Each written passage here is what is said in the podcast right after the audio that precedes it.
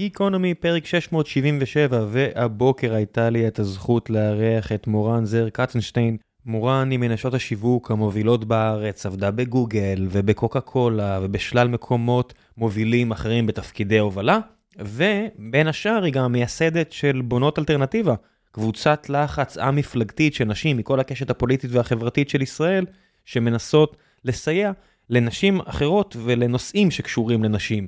אז דיברנו בדיוק על הדברים האלו במהלך הפרק, גם בכל הנוגע למצב הנוכחי עכשיו, אה, דיברנו על כל מיני פרשיות אונס מפורסמות ואיפה הקבוצה של בונות אלטרנטיבה אה, התערבו, על האתגרים שיש כרגע עם הממשלה הנוכחית בישראל ומה הן עושות בנידון, שלל נושאים, פרק מרתק עם אישה מאוד רהוטה ומעניינת ונקווה שגם לכם יהיה מעניין.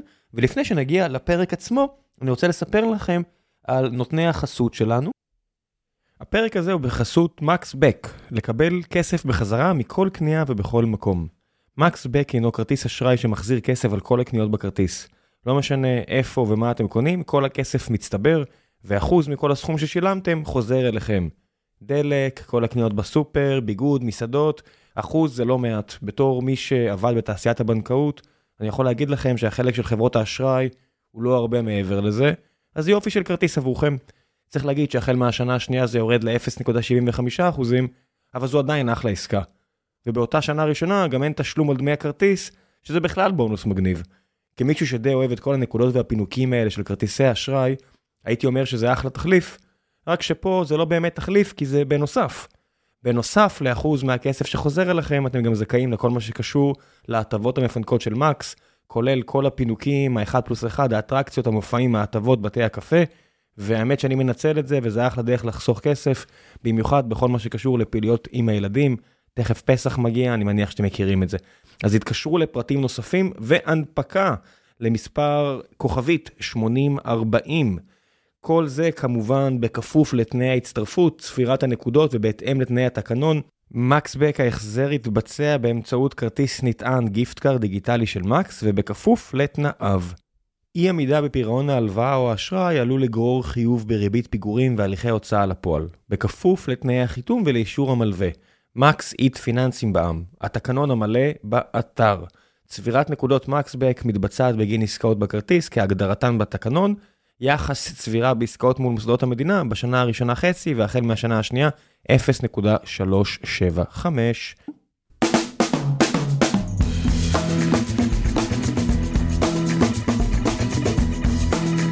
גיקונומי, פרק 677, והבוקר יש לי את הזכות הגדולה לארח את מורן זר קצנשטיין, קצנשטיין. בוקר טוב. בוקר טוב. מה העניינים? בסדר גמור. איך את מגדירה את עצמך? פעילה פוליטית, אה, פמיניסטית בועטת? אישה שנקלעה לסיטואציה, האמת. מה, זה נקלעה לסיטואציה? לא נולדת גבר? אה, לא יודעת, אולי גם יש איזה חוסר התאמה מגדרית אצלי, אני מניחה, אה, ברמה כזאת או אחרת, אבל בוא נאמר שלא למדתי מגדר שעה בחיים שלי, ואני באמת יודעת, אני יודעת לדחוף דברים ולגרום להם לקרות. ובמקרה זה יצא שזה מתאים רגע לאמונות האישיות שלי ולדברים שאני רוצה לקדם. יש פה כל מיני מפתחים ומפתחות שלא למדו מדעי המחשב, והם ממש טובים בעבודה שלהם, זה בסדר. כן. לא, לא, האקדמיה היא לא הכל. לא, דווקא לא אמרתי את זה לרגע בהתנצלות. אני חושבת שיש אה, נשים שיודעות ומבינות ומכירות את, ה, את הספירה ואת ההיסטוריה הפמיניסטית, אבל בסוף אה, צריך אה, to get shit done. כן, יש לי, ב, ב, איפה שאני יושב, במשרד שלי, יש לי כזה אוסף של מיניאטורות. שכל חודש אני מוסיף אחת, שזה בדרך כלל איזה בן אדם שעשה משהו גדול ו-very flawed.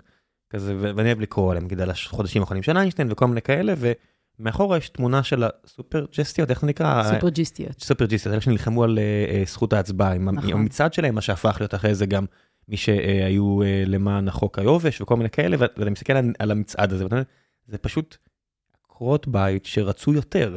נכון. לא פרופסוריות למגדר נכון, ולא כלום. נכון, לא בטוח ו... שיכלו להיות אז אפילו פרופסוריות, אבל כן. בטוח שלא, אבל, אבל אתה יודע, זה בסוף צריך לזכור שזה זה התחיל מלמטה, כל הדברים האלו. לגמרי.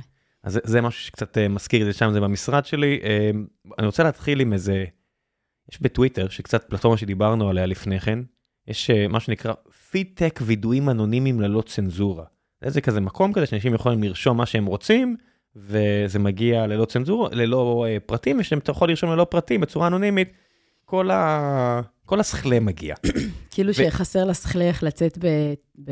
כן, לא, בישראל וטוויטר, כן. אה, פעם שזוכרת שהיה רק טוקבקים, אז אמרו, אה, אין, כולם מרשים לעצמם לרשום מה שהם רוצים, כי זה טוקבקים. כן. ואז אה, גילינו שלא, זה פשוט לא מפריע לאנשים, גם אם עובדים בבנק, לרשום אה, מה שהם רוצים.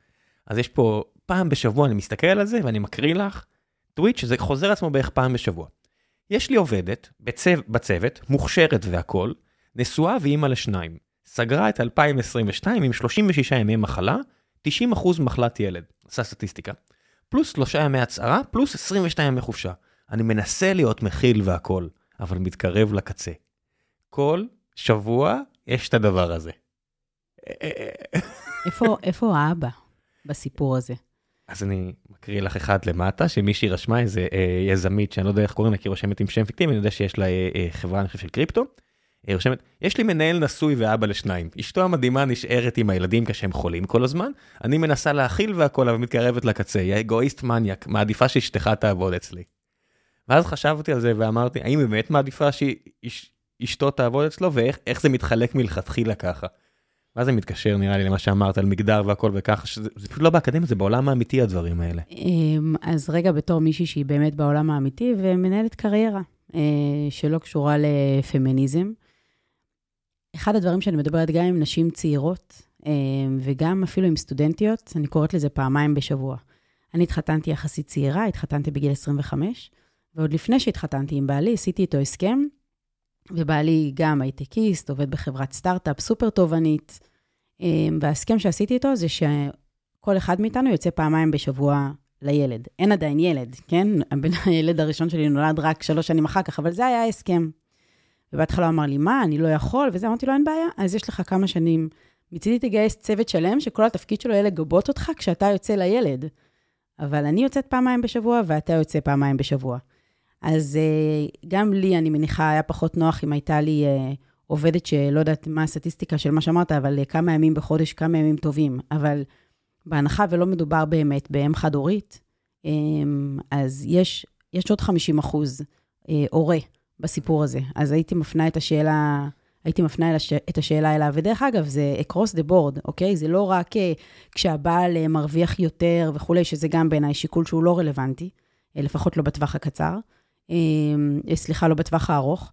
אני זוכרת שכשעבדתי בגוגל, אז אה, הייתה לנו איזו ישיבה שנמשכה קצת מעבר לשעה שש בערב.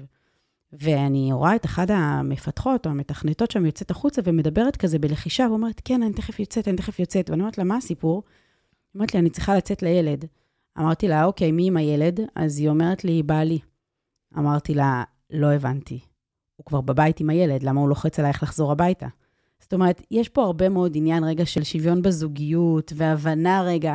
כאילו, אצלנו ברור שאם כבר אתה בבית, אז שחרר רגע ותן לי אני, אני לא לסגור מדמ... פינות. אני, אני מודה שאני לא מדמיין סיטואציה, אני, לי זה אישית מאוד מאוד חשוב, כולם פה גם יודעים, אני גם, היומן שלי פתוח לכל העובדות עובדים, מי שבארץ ומסתכל, אה, רוב העובדים שלנו הישראלים, אבל הם כן. יכולים לראות את היומן שלי, ויש לי כזה בלוקים של אני יוצא אה, ארבע, אני פשוט חוזר לעבוד אחרי שהוא בדיוק. נרדם, אחרי שהוא מוציא את המיץ עד שהוא נרדם, אבל, אה, אבל זה, זה אצלי, אני לא מדמיין אפילו את הסיטואציה, זה, זה, זה כאילו, מבחינתי זה כאילו יוצא כאילו מערכון של אדיר מילר, שאת אומרת לי. באיזה סיטואציה אני אתקשר לי, לי, לא לי- ברור. לאשתי, ו- ו- ואני בכלל, אתק- באיזה סיטואציה בכלל אתקשר אליה?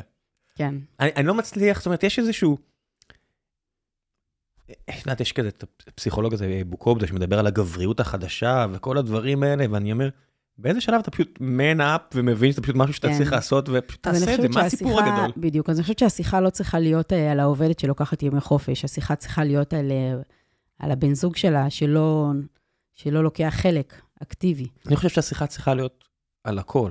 נכון, בס- בסופו של דבר, נכון. אם אתה מגיע אה, למצב שמסתכלים על הימי מחלה שלך, כנראה שגם יש פה איזושהי, זאת אומרת, מלבד באמת הסיטואציות שיש מחלות שהן לא סתם מחלות, אוקיי? כן, יש כן, מחלות שהן לא. צננת וכאלה, אני מדבר על ה... כן. פשוט החיים עצמם, את יודעת, הילד, לא יודע מה, הילד שלי כבר לא שם, אבל אם הילד אה, בגיל שנה כזה נכנס לגן או דברים כאלו, יש פשוט תקופה שהם חצי מהזמן חולים.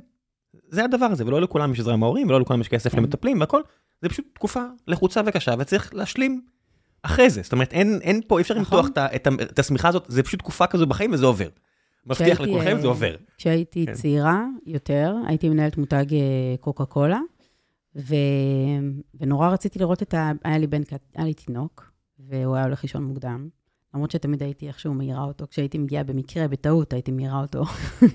ככה, יצא. במקרה, הוא מתעורר. כן. נכנסת עם תוף. אבל, כן, משהו כזה. אמ, והייתי מגיעה, רואה אותו באמת איזה שעה, שעתיים, אני לא אומרת שזה אופטימלי, לפעמים אפילו פחות. ועובדת, ועובדת כל הלילה, וזה בסדר. עכשיו, אני לא רוצה לנרמל את זה שנשים צריכות לעבוד, אבל כן, עובדת. אני, היו לי גם תקופות שעד שלוש את עובדת ותופרת דברים. אני, אני פשוט מוריד את ה... זה כמו שאנשים אומרים את האלף, ואז סוג... כאילו, אנשים עם א' בהתחלה בסוגריים, אני אומר, לא יודע, אחד הדברים שעשינו פה כדי להפוך את זה ללא אחד בפה, אחד בלב, זה פה אה, גברים, יש להם, אה, גברים בסטרים אלמנטס, ונשים בכל העולם, רוב העובדים שלנו ישראלים, אבל לכולם יש 12 שבועות. זאת אומרת, במדינה כמו ישראל מתוקנת, שבה יש 12 שבועות, אה, לא בכל העולם יש את זה, נגיד בטקסס אין את זה, אה, אז לכולם, לנשים יש את ה-12 שבועות מהחוק, ואם אתה גבר גם יש לך 12, שבוע, 12 שבועות, לך תהיה עם הילד שלך. ואני מבחינתי לא אמור להיות הבדל. זאת אומרת, ההבדל היחידי הוא פיזיולוגיה על הנקה. בעיניי לפחות. מעבר לתכתיבים חברתיים כאלה ואחרים. בסדר, אז אה, אנחנו, אנחנו רואים עין בעין, אבל אני לא חושבת שזה ה... אני יודע שלא, אבל אני אומר בשלב מסוים, man up. כן. או, או, ומצד שני, אני מסתכל ואני מסתכל על הציטוט הזה, ואני אומר, גם אם זה לא רק כדי להשפריץ רעל, שיש לי ספק, יש לי קצת אה, אה איפשהו כן. במקום בלב שאני חושב שכן. כן. אה, שמישהו רק רוצה, את יודעת, להקצין את הסיטואציה. יש אנשים שמנצלים חוקים סוציאליים ו good fight, כן, לטובתם האישית, ברור לי לגמרי. זאת אומרת, בטח בתקופה כזו שאנשים מחפשים, אני, יש לי הרגשה ש-70% מכל האנשים כרגע ב, בתעשייה הזו מחפשים עבודה. או שוקלים לחפש עבודה, כי זו תקופה קשה ומאתגרת אחרי שנתיים קשות, קשות ומאתגרות. דווקא, אני חושבת שאנשים עכשיו, כן, אתה חושב שאנשים מוז... מחפשים לעזוב? דווקא נראה לי אנשים עכשיו יותר כאילו... מפחדים? כן. התיאוריה שלי זה שהם מנסים, הם יותר התראיינו, כי כי הרבה חברות, זאת אומרת, כל מי ששומע אותנו עכשיו, בטוח שהחברה שלו היא המקום הכי משוגע ונורא בעולם. כי, כי קורה כל כך הרבה, ובטח בתקופה שההכנסות יורדות בגלל ש... כן, הלחץ אה, גובר. הלחץ גובר, וכולם בטוחים שבצד השני יותר ירוק, וכשאתה מגיע להתראיין, הכל נראה ירוק מבחוץ. כן, דרך אגב, אפרופו אה, פערים מגדריים, אז למשל, אה, כשנשים מגיעות לנקודה שהן מחפשות עבודה והן מקבלות הצעה, הם לא, לרוב, אני בדיוק דיברתי עם מגייסים, הם לא יבואו לבוס שלהם ויגידו, אוקיי, קיבלתי הצעה של 45K, תעלו לי או שאני הולכת. ואז uh, נשארות, כי הם קיבלו את ההצעה, הם לא, יעשו, לא יציבו את האולטימטום הזה על השולחן. אם אישה כבר הגיעה לנקודה, שוב, תמיד, אני מדברת בהכללה, כמובן, אבל uh, גברים גם עושים את הדבר הזה רק לצורכי משא ומתן, שזה מדהים בעיניי. יש חברות שמעודדות את זה, זאת אומרת, בתקופות... Uh...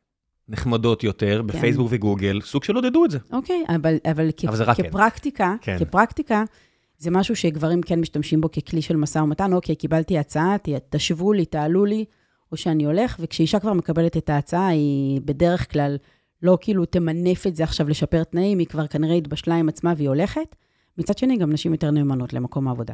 כן, זה, זה עוד דברים שמשפיעים, זאת אומרת, הסתכלתי על המספרים, יש תמיד את, אה, ותכף נדבר על, על העמותה והכל, אבל יש מספרים שתמיד חוזרים, שהם יותר אה, רטוריקה מאשר אמת, זאת אומרת, הם הקצנה של האמת. אז נגיד ה-30 אחוז פער בשכר, אני אומר, אני, אני יודע שיש פער בשכר, אני יודע שהוא לא 30. אז מצד אחד משתמשים ב-30 כדי לתקוף את מי שאומר, ומצד שני זה באמת, הפער הוא, אני חושב שהוא 11. הוא, הפער הוא נובע ממקומות אחרים. אני חושב שהוא נובע מהכל, לא? בסופו של דבר, וזה שוב חוזר רגע לבסיס של איך אנחנו בונים את המשפחה שלנו. אמ, ואני אומרת את זה גם לנשים צעירות, למרות שאני בעצמי צעירה מאוד, אבל, אה, אבל אני אומרת את זה רגע לנשים צעירות. אמ, אפשר להגיד פרי ילדים. כן, נגיד פרי ילדים, סבבה. כן, זה, ואז, אמ, אז הגיל נאבד. בסדר, אני בת 40, אוקיי? גם לא... אני, גם הכל טוב. לא. הכל טוב. אז... אחד הדברים זה שנשים אומרות, אה, מגיע הילד הראשון, והן מאוהבות בו, ואומרות, אוקיי, אני ארד אה, למשרת אם, או כל מיני הגדרות כאלה, או שאני ארד לאיזה משכורת כזאת של 7,000 אה, שקל, אבל הן רוצות להיות עם הילד והן מאוהבות בו, וזה טוב לשני הצדדים. ואז מגיע הילד השני, ומתחיל להיות קצת עמוס, ומתחיל להיות קצת כבד, אבל היא, היא כבר במשרת אם הזאת שלה, ולא בטוח שגם יש שם יותר מדי לאן להתפתח, ובעלה כנראה מתקדם וזה מדהים, אבל מתחיל להיות קצת עמוס, וגם הנטל הוא לא מאוד מאוד שוויוני, ואז מגיע הילד השלישי. ובילד השלישי, החלוקת נטל היא לא הגיונית. אני דרך אגב אומרת שאני מעדיפה any day לעבוד מאשר להיות עם הילדים, למה לעבוד זה החלק הקל של היום, מאשר להיות עם הילדים, זה הרבה יותר כיף לעבוד מאשר להתחיל לעשות פאזלים, אבל אולי אני כאילו שונה. כן, זה כמו כל מי שיש לו יותר מילד אחד, הרבה פעמים הוא מגיע יום ראשון, הוא הכי עייף. וואו, כן. ממש, כאילו, ממש, הסוף שבוע זה העבודה האמיתית, העבודה זה החלק הכיפי של היום. אמ, אבל מה שקורה, זה שהיא נמצאת בעבודה של 7,000 שקל בש- בחודש, יש לה בן זוג שלא לוקח איתה חלק בדבר הזה, אבל גם אין לה מה לעשות. לאן היא תלך? גם אם לא טוב לה, אין לה מה לעשות. זאת אומרת, החוסר שוויוניות הזאת מתחיל בהחלטה הראשונה שלך כאימא, לשנות את איך שאת עובדת כאישה צעירה. וזה משהו שהוא סופר חשוב לי. אחד, תוודאי שיש את התיאום ציפיות הזה בינך לבין, לבין הבן זוג שלך, לצאת פעמיים בשבוע, וגם הוא יוצא פעמיים בשבוע. והדבר השני, גם כמה שאת מאוהבת בתינוק שלך, או בתינוקת שלך, אל תרדי למשרת אם. זו לא תמיד דרך שיש ממנה חזרה. כן, מה גם ש, שהנורם, שהפשרות של היום זה הנורמות של מחר בכל דבר, ו, ואנחנו לא שמים לב לזה, זאת אומרת, אני אתן לך דוגמה. אה, מישהו בטוח שהוא מאוד עמוס, אוקיי? הוא לא לוקח חלק, ש, ש, הוא עוזר בבית, מכירה את זה? כן. אני לא אה, מגדל את הילדים, אני עוזר עם הגידול גם של אני הילדים. עוזרת לבעלי, דרך אגב. כן, לא, אני לא עוזר לאף אחד, אני מבחינתי... אני עוזרת, וגם כן. לא כזאת עוזרת טובה. לא, לא, אני, אני ממש, יש לי אלרגיה לטרמינולוגיה. כן, כן, אני מבינה. ו- ומרגע שאתה מתקבע על דברים, ויש לנו עובדים מכל העם, אז אני רואה את הדינמיקה הזו, זאת אומרת, אני עסוק. מה אתה עושה אחרי העבודה שאתה לא יכול לחזור אם היית נגיד עם הילד, וזה דברים שאני שואל, אה, יש לי את ה... אחרי העבודה, הולכים לשתות בירה. או יש לי את הערב פוקר, או יש לי את הדברים, יש את האקסיומות האלו, מבחינתי יש מס, לא, יש לך עבודה שאתה חייב לעשות כי אני משלם לך, יש לך את הגידול ילדים שאתה, מבחינתי אני מבין את זה, כל דבר אחר, מבחינתי זה... זאת אומרת, יש, יש את ה... אז אישה שהיא עם הילדים, ובעלה היא מלא, את יודעת, זה כמו זה של המרצה למנהל עסקים שאומר כמה זמן יש לכם. אז אני אשים אבנים גדולות, נכון? כן. ואז אני אשים ואז אבנים קטנות, אני אתם אשים- רואים, יש לכם עוד מקום, ואז אני אשים חול ותראו כמה נכון. מקום, ואז אני אשים גם מים, תראו כמה זמן יש לכם. ככה זה. אם התקבעת על התחושה שאין לך, לך זמן, זהו, אין לך זמן. ואם אתה מוסיף עוד דברים, אתה פתאום מגלה שיש לך עוד זמן. כן. ככה זה, הדבר, הדבר שילך זה כנראה חצי שעה מול טיק טוק. או שעה מול סדרה שלא משנה אם היית רואה אותה או לא. זה, זו האמת, זה פשוט לא כיף להגיד את זה, כי זה לא סוציאלי, כי מיד יגידו, אבל בצרפת עובדים רק, שתי, רק שעתיים וחצי, ותראה איזה פריון גבוה יש להם. אני ו- חושבת שאחד הדברים שיצא לי לראות הרבה, זה ש...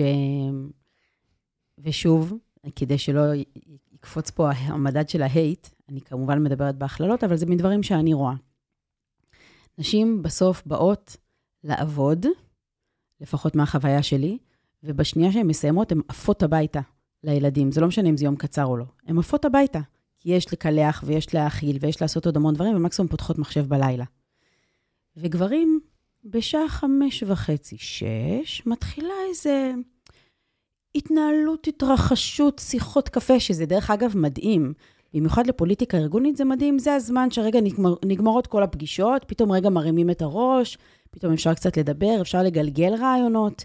אבל מה שקורה בשבע בערב הרבה פעמים, זה שזה נשאר space של גברים בלבד, כי אנשים הלכו הביתה. ואז הם נשארים ומגלגלים, ואתה יודע כמה פעמים קרה לי שחזרתי למשרד בבוקר, ואז אמרו, דיברנו אתמול בערב על זה ועל זה, וחשבנו כאילו שזה מדהים, זו ההרגשה של פלטפורמה... ה-left out. בדיוק. עכשיו, זה אפילו לא קשור ליום קצר, יום ארוך, כאילו, בתכלס, הם לא, לא היה איזה משהו קריטי. אתה יודע, אני, נגמרות לי הפגישות, מסיימת את הדברים שאני צריכה, מסיימת את הזה, הולכת, ואחר כך לנקות מיילים וזה, עושה מהבית ב- בשקט, ב-10 בלילה. אני לא אומרת שזה המודל עבודה המומלץ, אני, אוקיי, life אחד- balance, כל אחד ומה שזה. כן. אבל הקטע הזה של כאילו, להישאר במשרד, שדרך אגב, זה ברור, זה יותר קל להיות במשרד אה, עם החבר'ה מאשר לחזור אה, למקלחות, זה הראש האואר.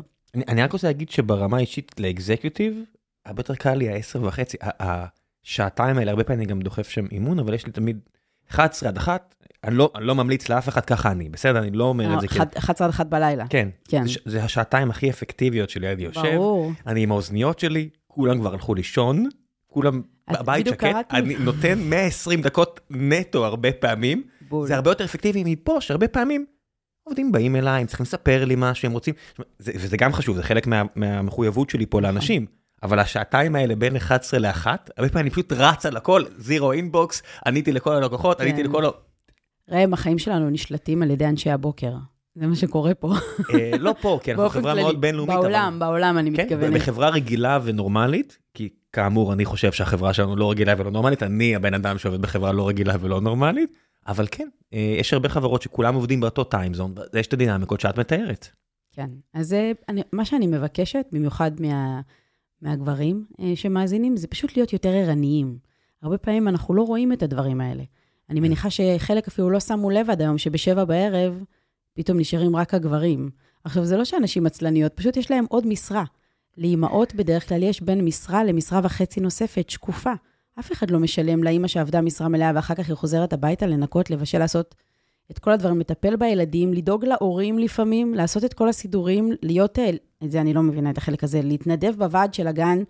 הרבה מאוד דברים שקופים אה, שנשים עושות אחרי שהן מסיימות את היום העבודה שלהן. כן, וגם אם אתה סופר אה, רוצה אה, לסגור את הפער הזה, זאת אומרת, הרגשה של out, יש כל מיני מקומות שאני אישית אה, לא ידעתי כל כך מה לעשות איתם. למשל, יש לנו פה כמה מנהלות שיצאו לחופשת לידה. ואז כשאתה יוצא, המילה חופשת לידה היא אחת המילות ה... החלמת לידה, קוראים לזה החלמת לידה. הזמן שאחרי הלידה, תקראו לזה איך שאתם רוצים, חופשה זה בטח לא, אה, זמן שהוא סופר מאתגר וקשה פסיכולוגית, כי אתה נשאב לעולם התינוקות ולא המבוגרים, והראש שלך גם ככה לא מאוזן כי אתה לא ישן, והרגשת left out מוחלטת. עכשיו אני בראש שלי, אני מדבר עם העובדת ואני אומר אוקיי אם היא רוצה, אין בעיה, אני, אני אעדכן אותה במה שהיא רוצה והכל, ואז שגדלנו, ויש לנו כבר מחלקת HR וכאלה, אמרו לי לא, אתה לא תעז. העובדת בהחלמת לידה, אסור לך ליצור איתה קשר. והיה לי פה ממש סיטואציה, אה, אני לא אנקוב בשמות כדי לא זה, אבל עובדת ממש הרגישה left out, ומנהל אה, C-Level אחר אמר לה, לא, אני לא יכול שתקבעי לי פגישה, הדברים... ואז היא הרגישה בחוץ, והייתי צריכה להגיד לה, תקשיבי, אסור לו לקחת איתך את הפגישה הזו, כדי לא לחשוף אותם לכל מיני כאלה. אני אישית אדבר איתך כי אני מרגיש בסדר, יתבעו אותי, יתבעו אותי, אני מרגיש שאני סומך, זאת אומרת, אני, אני, אני עובד בצורה שבה אני יותר חשוף משפטית בהרבה דברים שאני עושה.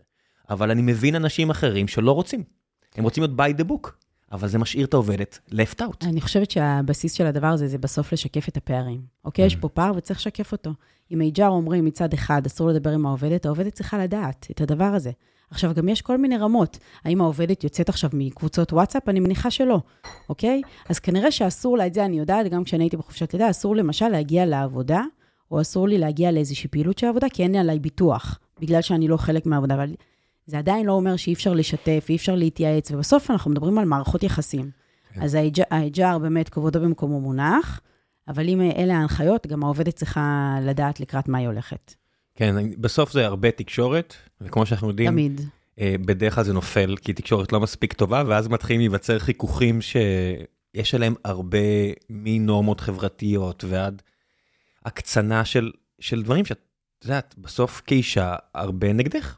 אישה, בני מיעוטים, הכל, ו, וזה נורא קשה להתנהל ככה, כי מצד אחד את מרגישה שנגדך, מצד שני יש פה סיטואציה שהיא באמת קשה, לך. זאת את לא ישנה טוב, כל הדברים האלו. כן, העולם לא כזה פייר, צריך להגיד את האמת, כשאני מסתכל על זה ומנסה לנתח דברים, העולם לא כזה פייר. אני דווקא חייבת להגיד שלא הרגשתי, למעט מקרה אחד, שהיה כן כשהייתי בהיריון. אז תפרגני לחברות, איזה חברות זה היה? בקוקה קולה היה מדהים, וואלה. אמ, בכל מקום. היה לי, כאילו, אף פעם לא הרגשתי שאני אה, אמ, עוברת איזושהי אפליה כי אני אישה, אמ, אבל, אבל כן יש מקומות שיש בהם פערים שנשים צריכות להיות מודעות אליהם, למעט מקום אחד שעבדתי בתחילת הקריירה והייתי אמורה אה, לקבל קידום, כבר אפילו סגרו לי את השכר, אני זוכרת בזמנו, אמרו לי 11,000, והייתי כל כך שמחתי שאני הולכת להרוויח 11,000 שקל. ואז גיליתי ממש שאני בתחילת הדרך של ההיריון, ועדכנתי את המנהלת שלי, כי זה היה לעבור לחטיבה אחרת. ויומיים אחרי זה היא חזרה אליי ואמרה לי שהם אה, משכו את ההצעה, החטיבה השנייה, מה שהיה לא חוקי בעליל, אה, והביאה לי קופסת שוקולדים ענקית כזאת כדי להשתתף בצערי. וזה באמת הייתה הפעם הראשונה, ולא היו הרבה פעמים כאלה. לא עשיתי עם זה משהו חוקי. לא, הייתי uh, בהיריון והייתי בת 28, והיה לי איזה חשש שאם אני אעשה רעש, אז אולי זה ישרוף אותי או משהו כזה, כל מיני פחדים כאלה לא מבוססים. Uh, היום הייתי תובעת uh, את האימא שלהם. Uh, גם זו התנהלות uh, מזעזעת, דרך אגב, uh, לא בטוח שההתנהלויות האלה לא קיימות עד היום אה, בארגונים שונים. כן, בטוח שהן קיימות, כי את יכולה ללכת לבית משפט, יש תביעות. כן. אמ, אז, אז הדבר, הזה, הדבר הזה כן היה קיים, אבל בסוף לכל דבר יש, אה, יש, יש סיבה שדברים, אני מניחה, קורים, כי אני הייתי מאוד מאוד אה, נאמנה לארגון הזה, וברגע שזה קרה, פתאום זה היה כף המצלצלת, מה שהקל עליי כשהציעו לי בחופשת הלידה להצטרף לקוקה קולה, אה, והם רצו שאני אשאר. אבל לא, אתם לא יכולים לצפות ממני שאני אבוא ואשאר כשאתם מתנהגים אליי ככה כשהייתי בתחילת ההיריון. אז היה לזה מקום. כן, שיט שחברות אומרות לעובדים. זאת אומרת, היה, היה, היה פעם אה, תקופה כזאת שאנשים אמרו, פה זה משפחה ולא עסק. אני פאקר, אני לא יכול לפטר אותך עם משפחה. כן, בדיוק. בוא, בוא, אין להתפטר עם משפחה, יש בעיות במשפחה, אין להיות מפוטר במשפחה. כן, בדיוק. כן, חברה זה לא דם. באיזה שלב הקמת עמותה? ולמה? אה, אנחנו, אוקיי, אז היי. אז האמת שבונות אלטרנטיבה זאת לא עמותה, זאת התארגנות. אמ, מה ההבדל אה, חוקית ומה... שאנחנו לא, שאנחנו לא עמותה רשומה. כשאמרתי שנקלעתי לסיטואציה, זה באמת אה, הייתה הסיטואציה. זאת אומרת, זה היה לפני שנתיים וחצי. אמ, היה, היינו באחד הסבבים הראשונים של אה, בחירות, והייתה נראית שהולכת להיבחר ממשלה ממש ממש קיצונית. לא. שזה מה שקרה לא בארץ. עכשיו, פסט פורוורד, זה קרה. אמ, ואז אה, בעצם אמרתי, אוקיי, אם אה, זה הולך לקרות, אז לפחות שלנשים תהיה אלטרנטיבה, ופתחתי קבוצת וואטסאפ שנקראת בונות אלטרנטיבה, זה כאילו היה השם. והצטרפו כל מיני חברות, אפילו לא חברות מהבית או חברות שלי, אבל נשים מהאקוסיסטם שמכירות אותי לאורך הקריירה שלי. והצטרפו הרבה מאוד נשים בכירות ויזמות ומנכ"ליות ונשות תקשורת. והתחלנו בתור 40 אה, נשים. חודש אחרי זה היה את, אתה זוכר שהיה את האונס של הנערה באילת, עם ה-30 גברים וכל הבלאגן הזה? מן הסתם. אוקיי, אז אתה זוכר שהיה את כל השביתות ברחבי הארץ, לא. וההפגנות? לא, אוקיי, לא, אז לא. היה הפגנות בכל רחבי הארץ, והיו למ, שביתות. למען מה? בעקבות, מודעות? בעקבות, כן, בעקבות אה, האונס. אה, מקדונלד סגרו את, ה, אה, את החנויות אה, לאיזה חצי שעה, ורשת אה, החשיכו מסך, והרבה מאוד אה, חברות, שטראוס, החברה... החברה המרכזית, תעשייה אווירית, כולם אה, העובדות יצאו כאילו לחצי שעה. אה.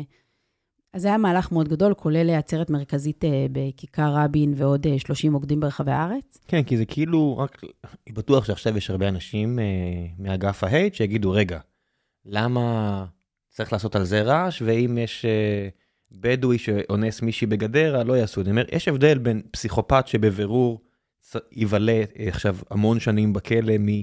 אה, מקום באוכלוסייה שבבירור יש אה, בעיה, השבט הזה, תראו טיק טוק, למשהו שהוא כמעט מנורמל. זאת אומרת, אם לא היה רעש סביב הסיפור הזה באילת, זה כמעט אקט נורמלי. אף אחד מהנוכחים אה, באותה סיטואציה, מהגברים, לא חשב שהוא עושה משהו עברייני. לא, לא נראה לי, לא נראה לי. לא, זה היה, אני מה? זוכר, אני זוכר קלטות. שאני לא ראיתי, ואני מקווה שאני לא, לא, לא ראיתי רק, אני רק רואה כאילו, אני זוכר שראיתם עוברים במסדרון, וזה כאילו, מבחינתם זה לא אקט עברייני, זה כאילו... וואו, אני ממש מקווה, אני... זה, זה מה שלי הפריע, אני אומר, זה למשל מה שהפריע לי, למשל עם דור מיכה, שחקן בקבוצה שאני מנוי אליה, ואציל. גם שם התערבנו. העניין של הנרמול של האקט, בניגוד למשהו, שכולם מבינים שהוא עברייני ברמה הכי חמורה שיש. אומרת, יש פה משהו כמו האונס בקפריסין, של כן. בני הטובים, שיש מה שהיה קבוצה... הם לא היו בני טובים, דרך אגב. בוודאי שלא. הם רק היו בני מקושרים. whatever. בבירור, דיברתי פה בסרקזם קיצוני פה, כן. אה, וגם יש, היה הפגנות כלפיהם. למה אתם עושים? כאילו, מה הבעיה? והסתכלתי, הנרמול זה הבעיה שלי, כי יש אונס שהוא, את יודעת, האונס בגן העיר, האונס בגדרה, שכן, אני אגיד, זה, זה ערבים שעשו אותו, אבל העניין הוא, זה לא היהודים ערבים. אבל אם אכפת לך מאונס, רק כשמדובר בערבים, אז אתה כנראה גזען, ולא מה שחשוב לא, לך. לא, זה האקט עצמו של בבירור עבריינות לגבי משהו שאתם מנסים לנרמל אותו. אבל לא. מי, מי מנסה לנרמל אונס? מלא אנשים. וואו, מה, מה, אני, מלא אנשים. א' כל, את יכולה לראות... אה, לנרמל אונס? וואו, אז אני כנראה מסתובבת לא במקומות הנכונים, וטוב שכך, אני לא, אני לא יודעת. יש גבול לדיסוננס קוגניטיב שאת רוצה לחיות איתו גם מסביבך. וואו, אני באמת, זו פעם ראשונה ש... כי הם לא, כי הם לא יקראו, אוקיי. אה, רגע, הם לא יקראו לזה אונס. בוודאי שברגע שאתה משתמש במילה הזו, כן. אה, זה כבר לא יהיה אקט הנרמולי. שזה משהו ש... טוב, אני לא...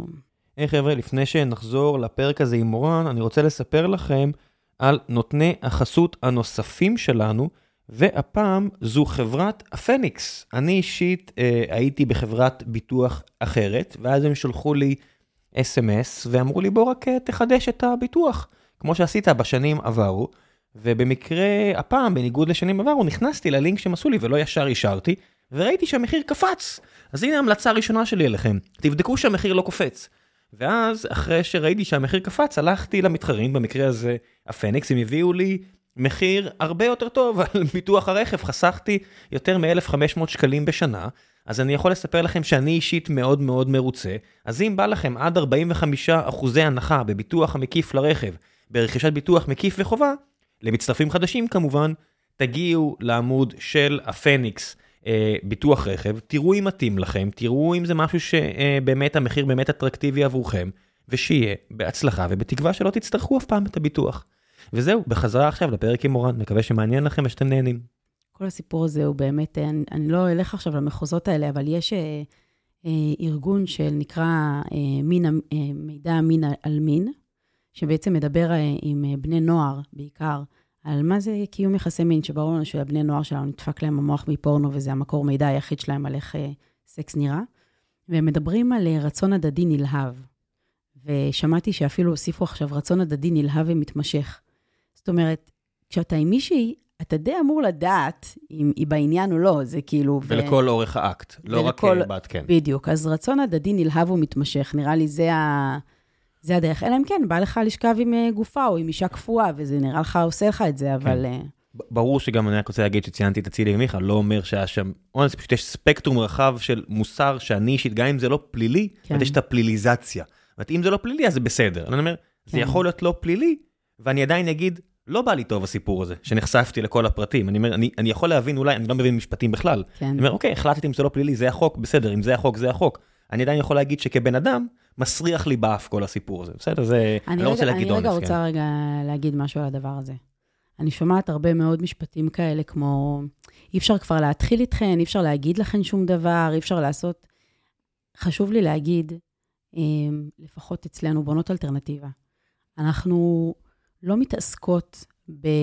אם זרקת לי מילה, וגם אני אוהבת, שאומרים לי שאני אה, נראית טוב בבוקר, או שהנעליים שלי יפות, או whatever. הדבר הזה הוא לא העולמות שאנחנו מתעסקים בהם, או שאנחנו מתעסקות בהם. אנחנו מדברות על, על באמת פגיעה משמעותית, אה, כמו שליווינו את אה, ט' ונ', הנפגעות מהפרשה של אה, החברים של אה, אייל גולן. אה, יש שם דברים שאין לטעות בהם, זאת אומרת, אין לטעות במה, ש, במה שקורה שם, או במה שמואשמים בו כביכול. אה, אז, אז אנחנו לא מתעסקות בסמנטיקה ובדברים הקטנים, כאילו... נכון, צריך למצוא את האיזון. אני לא יודעת אם זה יצא קוהרנטי כל כך, מה שאני אומרת. לא, כי, אוקיי. זה, כי זה נושא באמת מורכב. צריך להגיד את האמת, זה גם נושא מורכב. יש מקומות שזה מורכב, ויש מקומות שזה בכלל לא מורכב. יש מקומות שזה נורא ברור. אונס, זה ברור. כן, אבל הנקודה שיש הרבה מקומות שהספקטרום רחב, ואני אומר, הדיון לא חייב להיות רק במישור הפלילי. זאת אומרת, הרבה פעמים נתפסים רק למישור הפלילי, ואפשר גם להגיד, זה גם מסריח. זה מה שקרה, זה מה שקרה לנו עם אצילי, דרך אגב. שמה? אמ, למרות שאני אשמח, טוב, אחר כך אני רוצה להגיד כמה מילים, תגידי. על...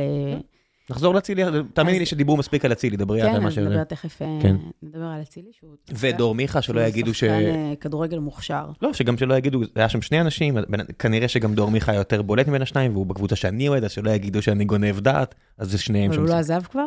לא, לא, הוא בהפועל באר שבע, ושחקן מרכזי מאוד בהפועל באר שבע, וכן. אוקיי. כן. אז בואו אלטרנטיבה נוסדה לפני שנתיים וחצי, ומאז באמת שעשינו את ההפגנות בכל רחבי הארץ, אנחנו פועלות לקידום נשים ומלחמה באלימות נגד נשים. אמ, אז אמ, כמו שאמרתי, ליווינו את ט' ונ', וגם אה, עשינו את המאבק של שחקניות אה, נבחרת ישראל בכדורגל, להשוואת התנאים לשחקני הנבחרת, שכשהן באו להתאחדות וביקשו אה, בעצם לדבר על התנאים, העיפו אותם מכל המדרגות ואמרו להם, אם לא נאה לכם, תעזבו את הנבחרת, ואז כשנכנסנו לתמונה אז הם עשו מהלך, עשינו מהלך של שוות משוות, אפרופו פערי השכר, להעלות את המודעות.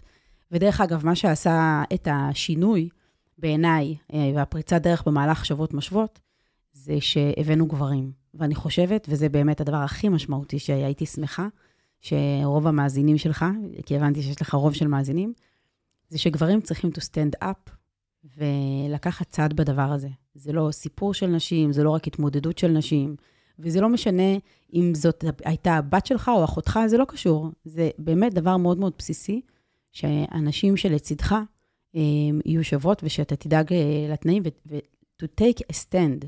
וברגע שיש לי קבוצה שנקראת ידידי בונות, אלטרנטיבה, שמתי שם כל מיני גברים שאני עובדת איתם או שהם חברים והם בדרך כלל עושים מה שאני מבקשת. למשל, בעלי לא שם, כי הוא לא תמיד עושה מה שאני מבקשת. אבל הם כן שם, זו בדיחה, אתה לא מחייך. אני, כי, כי יודעת, אני לא בוחר צד. לא, חכה עוד מילה, אני מוסיפה אותך גם. ואז אמרתי להם, תקשיבו, ויש שם מנהלי קרנות ועוד כל מיני כאלה מנכ"לים וזה, אמרתי להם, אני רוצה שתעלו את הפוסט הזה. הם העלו אותו, ואז מה שקרה זה שברגע שהם העלו את הפוסט הזה, אז עוד גברים שביקשנו מהם, אמרו להם, הנה, הם העלו, ואז הם קיבלו את ה confidence גם לעלות. ואז פתאום גם גברים נכנסו לדבר הזה, וזה עשה, האדוות שזה עשה פתאום בבת אחת היו הרבה הרבה יותר גדולות. בכל פעם שגברים אה, נכנסים לתמונה של משהו שקשור במאבק של נשים, האימפקט הוא הרבה הרבה יותר גדול. והם צריכים להיות חלק מהסיפור בעיניי. כן, עדיין, ברוב המוחלט של עמדות הכוח. ברור. נמצאים גברים. זאת אומרת, אם אנחנו מסתכלים, אירחתי פה את לירן, אה, שהייתה מנכ"לית אה, משרד התקשורת עד לאחרונה, mm-hmm. והיא אמרה לי שהיה להם קבוצת וואטסאפ של כל המנכ"ליות. אה, נכון. שהם והנה, עזרו ותמכו. והנה, אתה יודע כמה עכשיו יש לנו? אין. אפס. כן, כן, אז, אפס. אז אמרתי לה, כאילו, אוף דה רקורד, שנגמר הזה, אמרתי, נראה לי שבקרוב תוכלו לסגור את הקבוצה הזאת, שראיתי כן. תוצאות של הבחירות, זה היה בדיוק מיד אחרי הבחירות, אמרתי, לצערי נראה לי שהקבוצה הולכת להיסגר. ועכשיו יש את הטיעון שאומרים, אותי לא מעניין אם זה גבר ואישה, אותי מעניין אם, אה, אם היא מקצועית או מקצועי, הם הגיעו לתפקיד שלהם, זה לא מעניין אותי. והטיעון הזה, שהוא באמת מאוד מאוד פופוליסטי, הוא לא מדויק. כי בסוף נשים מביאות לשולחן ראייה אחרת, הבנה אחרת, עולם אחר, זה בדיוק כמו שמדברים על מגוון. אתה יכול להביא 30 אנשים שחושבים אותו דבר, אתה תקבל שלוש, שלושה פתרונות לאותו דבר. אם אתה תביא 30 אנשים שהם שונים. יש דוגמה שאני אוהבת לתת, שדווקא לא קשורה ל... לימין או שמאל, כשהיה את אה, מלחמת המפרץ, והיה כזה מין משק לשעת חירום על ההיערכות, אה, והשרה היחידה שהייתה אז בכנסת הייתה לימור לבנת. והתחילו לדבר על מה הדברים שצריך למשק לשעת חירום, כי חשבו שהולכים ליפול עלינו פה טילים כימיים. ובאמת אמרו את כל הדברים שצריך, והיא היחידה שאמרה, צריך תמ"ל. תמ"ל זה אוכל לתינוקות. למה צריך תמ"ל? היא היחידה שחשבה על זה. עכשיו, תחשוב על הסיטואציה שבאמת היה פה את ההיערכות השלמה, ואף אחד מסביב לשולחן לא ראה את הצרכים של נשים. הדברים האלה משמעותיים, משמעותיים גם כלפי נשים וגם כלפי בחירות כלפי נשים שהם יבואו לידי ביטוי. מישהו שרואה את הדברים האלה, וגם אני חושבת לאוכלוסייה הכללית. כן, אני רק אגיד שהייתה אמורה להיות מנכ"לית משרד אחד, אה, וגם אני, שלא יתקפו אותי, אני מנסה להיות תמיד הכי אה, מודע לעצמי שיש. גם אני גיחכתי על המינוי הזה, לא כי זה אישה או גבר, זה סתם נראה לי פשוט מינוי מגוחך, כי בסוף מנכ"ל, מנכ"לית גם צריך להיות אדם מקצועי, אז אני כן אגיד, מי שרוצה אחרי זה יתפוס אותי במילותיי, שאני אומר את זה, כן, גם אני גיחכתי על המינוי הזה, כי הוא נראה לי מגוחך להפליא. אז אני אפילו אקח את זה צעד אחד קדימה. כשאומרים, אה, אבל יש נשים, אל תספרו לי, זה שיש לה רחם זה לא אומר שהיא עכשיו בעד אג'נדה של קידום נשים והבנה רגע של הפערים. יש הרבה מאוד נשים שהן שוביניסטיות. אין מה לעשות, אני לא יודעת, משהו כנראה בדרך שבו הם גדלו, התחנכו, אולי הן הבינו מאיפה, אני לא יודעת, אוקיי? מה זה מה שהן מאמינות, מה במסלול, בסדר גמור, כן. אבל לא כל אישה. זה צריך להיות באמת נשים שמבינות את המשמעות, את החשיבות, אה, ובעצם לזה אנחנו, אה, על זה אנחנו מדברות. מה יהיה הצעד, זאת אומרת, עכשיו שאת רואה... זאת אומרת, למה לא עמותה בעצם, רגע, אני חוזר למשהו שאמרת, מה זה משנה אם זה עמותה, התארגנות? אנחנו באמת עשינו הרבה מאוד uh, פעילויות, ועם השנים גם uh, הצטרפו uh, גם ראשות ארגוני נשים נוספים. Uh, אני יכולה להגיד לך רגע ארבע עקרונות שאנחנו עובדים לפיהם. אז אחד, באמת העיקרון הראשון זה שכולנו פועלות בהתנדבות. אני, יש לי את הדיי ג'וב שלי, ועכשיו, דרך אגב, אני כנראה הולכת לשנות קצת את האיזונים, בגלל שאני חושבת שצריך פה יותר התמקדות לאור המצב וכל מה שקורה עכשיו. אמ, אבל אנחנו פועלות בהתנדבות. הדבר השני זה שאנחנו לא ממציאות מאבקים. רוב, רוב המאבקים כבר קיימים. ארגוני הנשים מנסים לקדם את הדברים, אנחנו רק עוזרות להם לעבור הרבה פעמים את סף הרעש ולקדם את המאבקים שלהם. אמ, אז זה הדבר השני. הדבר השלישי זה שבונות אלטרנטיבה הוא כמו איזשהו סוג של אה, קוד פתוח או אקסלרטור. כל אחת יכולה לבוא ולהגיד את הרעיון שלה, ואם הוא תואם את הערכים שלנו, אמ, אז היא יכולה לפתוח, היא יכולה לפתוח קבוצת פעולה ולקבל את התמיכה של הקבוצה כולה. ואנחנו מתרחבות, יש לנו uh, תאי נערות ותאי סטודנטיות ותאי מרצות, ואנחנו בתאי שטח בכל הארץ, והחזון שלי זה שבונות אלטרנטיבה גם תהפוך להיות תנועת נוער. ומה זה בעצם אומר? זה אומר שכל נערה תדע שיש לה כוח, יש לה כוח אקטיביסטי, יכולה לעשות משהו. שלא יהיה את הדבר הזה של את רואה משהו ואת אומרת, ככה זה, או אין לי כוח ואין לי יכולת לעשות. כי לכל אחת מאיתנו יש כוח לעשות. אם לא הייתי רואה שהדברים שאנחנו עושות אין להם אימפקט, לא הייתי ממשיכה בזה, זה גוזל זמן מטורף, גם ככה יש לי עבודה על הראש וילדים ומשפחה, אבל בגלל שאני יודעת שהדברים האלה יכולים לעשות שינוי, אז את כבר לא יכולה להתעלם מזה. אז את חייבת, אה, אז את חייבת לפעול, ואת העיקרון הרביעי שכחתי כרגע. לא נורא. אז אני חוזר שנייה לסוגריים שפתחנו וכועסים עליי שאני לא חוזר אליהם, אה, אליהן. אז אמרת אצילי, אז מה דור מיכה ו- ועומר אצילי, אז מה היה שם? אז אני חושבת? שבאמת יש מנעד, אוקיי? אם אני שמה בצד אחד אה, זמר מפורסם שפועל בצורה סיסטמטית לאיתור, אה, אה, לאיתור אה, נערות אה, ממצוקה שלא בטוח שאבא שלהם מצלצל באמצע הלילה וישאל איפה הבת שלי, תחזיר אותה הביתה, לעומת אה, אצילי ודור מיכה. עכשיו, דרך אגב, אני אוהבת כדורגל, ואני חושבת שאצילי הוא אה, בחור מוכשר, אה, ובאמת אחרי שמיץ' הוציא אותם מהקבוצה, אה, ואז אה, הביאו אותם למכבי חיפה. ובאנו, אמרנו, מכבי חיפה, מה זאת אומרת? איך אתם כאילו מתנהגים ככה? וכולם אמרו לנו, הופ, הופ, תעצרו. אנחנו חברה אה, כלכלית, וזה עסק אה, כלכלי מסחרי, ואל תתערבו. זאת אומרת, שחר באמת אמר מילים כאלה? לא, כאילו זה היה זה המסר. נרמז, אוקיי, המסר בסדר, היה, כן. שחררו. כן, אוקיי. לקחנו צעד אחורה, בסדר, זה, זה עסק. ואז הוא קיבל זימון לנבחרת. ואז באנו ואמרנו, הופ-הופ, מה קורה? ואז אמרו לנו, רגע, אבל איפה הייתם כשהוא הלך למכבי חיפה? אתה מבין איך זה, איך זה עבד? אבל ואז- זה לא ככה, כי בנבחרת באמת הקהל אה, אמר את בדיוק. דברו. נכון, בדיוק. אז קודם כל, יש הבדל בין באמת אה, להיות אה, שחקן בקבוצה מקצועית לבין לייצג את נבחרת ישראל. ובאמת שדולת הנשים ביחד עם ארגונים נוספים, ואנחנו בתוכם עתרנו. ואני חושבת שבסופו של דבר אצילי לקח כן את ההחלטה הנכונה אה, to step down אה, מהנבחרת. אני חושבת שיש בזה, שיש בזה מסר. עכשיו, באו אליי כל מיני חברים ואמרו, מה את חושבת שהוא היחיד? יש הרבה אה, שעושים את זה רק כי הם נתפסו. אז, אז יש פה, אז אוקיי, זה- זה- זה אז- זה היה מאוד, אז- יש הרבה דברים, יש גם הרבה אנשים שסוחרים בסמים, ורק מי שנתפס נמצא כן. בכלא, מה לעשות? כן. אבל כן חשוב לי להגיד רגע משהו. אמ, אני לא חושבת שמדובר פה בפושעים, במקרה של השני שחקני שזה לא פלילי. כן, אני חושבת שבאמת יש פה משהו, אה, תראה, כן מדובר בנערות, אני לא מדברת עכשיו מהצד המשפטי, בסדר? אני לא מוסמכת לדבר מהצד אה, כן, אין לי מושג במשפט, אני פשוט, אותי אני- מגעיל אני שבן אדם אומרת- מ-25 עם ילדה בת 16, זה פשוט, אני כן, אני- אני פשוט אני- אומר, אבל- כן. יכול להיות שהם עשו טעות, אוקיי?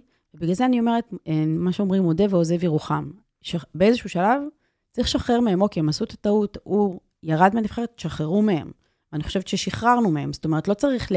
כולם שחררו. המסר, המסר עבר, וכאילו צריך גם לדעת לאזן, ואני כן חושבת שחשוב לדעת עלינו, אני, אני לא חושבת שאנחנו קיצוניות, זאת אומרת, זה כזה, זה מסר מאוד לא קיצוני, כן? זה באמת, אנחנו מדברות על דברים סופר סופר בסיסיים, על אה, פערי שכר, על קידום, על ייצוג, אני חושבת שייצוג הוא משמעותי. זאת אומרת, אנחנו לא הולכות אה, לקצוות, ואני חושבת שזה משהו שכל גבר ואישה שאני אשב איתו, אה, או איתה, יסכימו איתי על העקרונות שאנחנו פועלים איתם.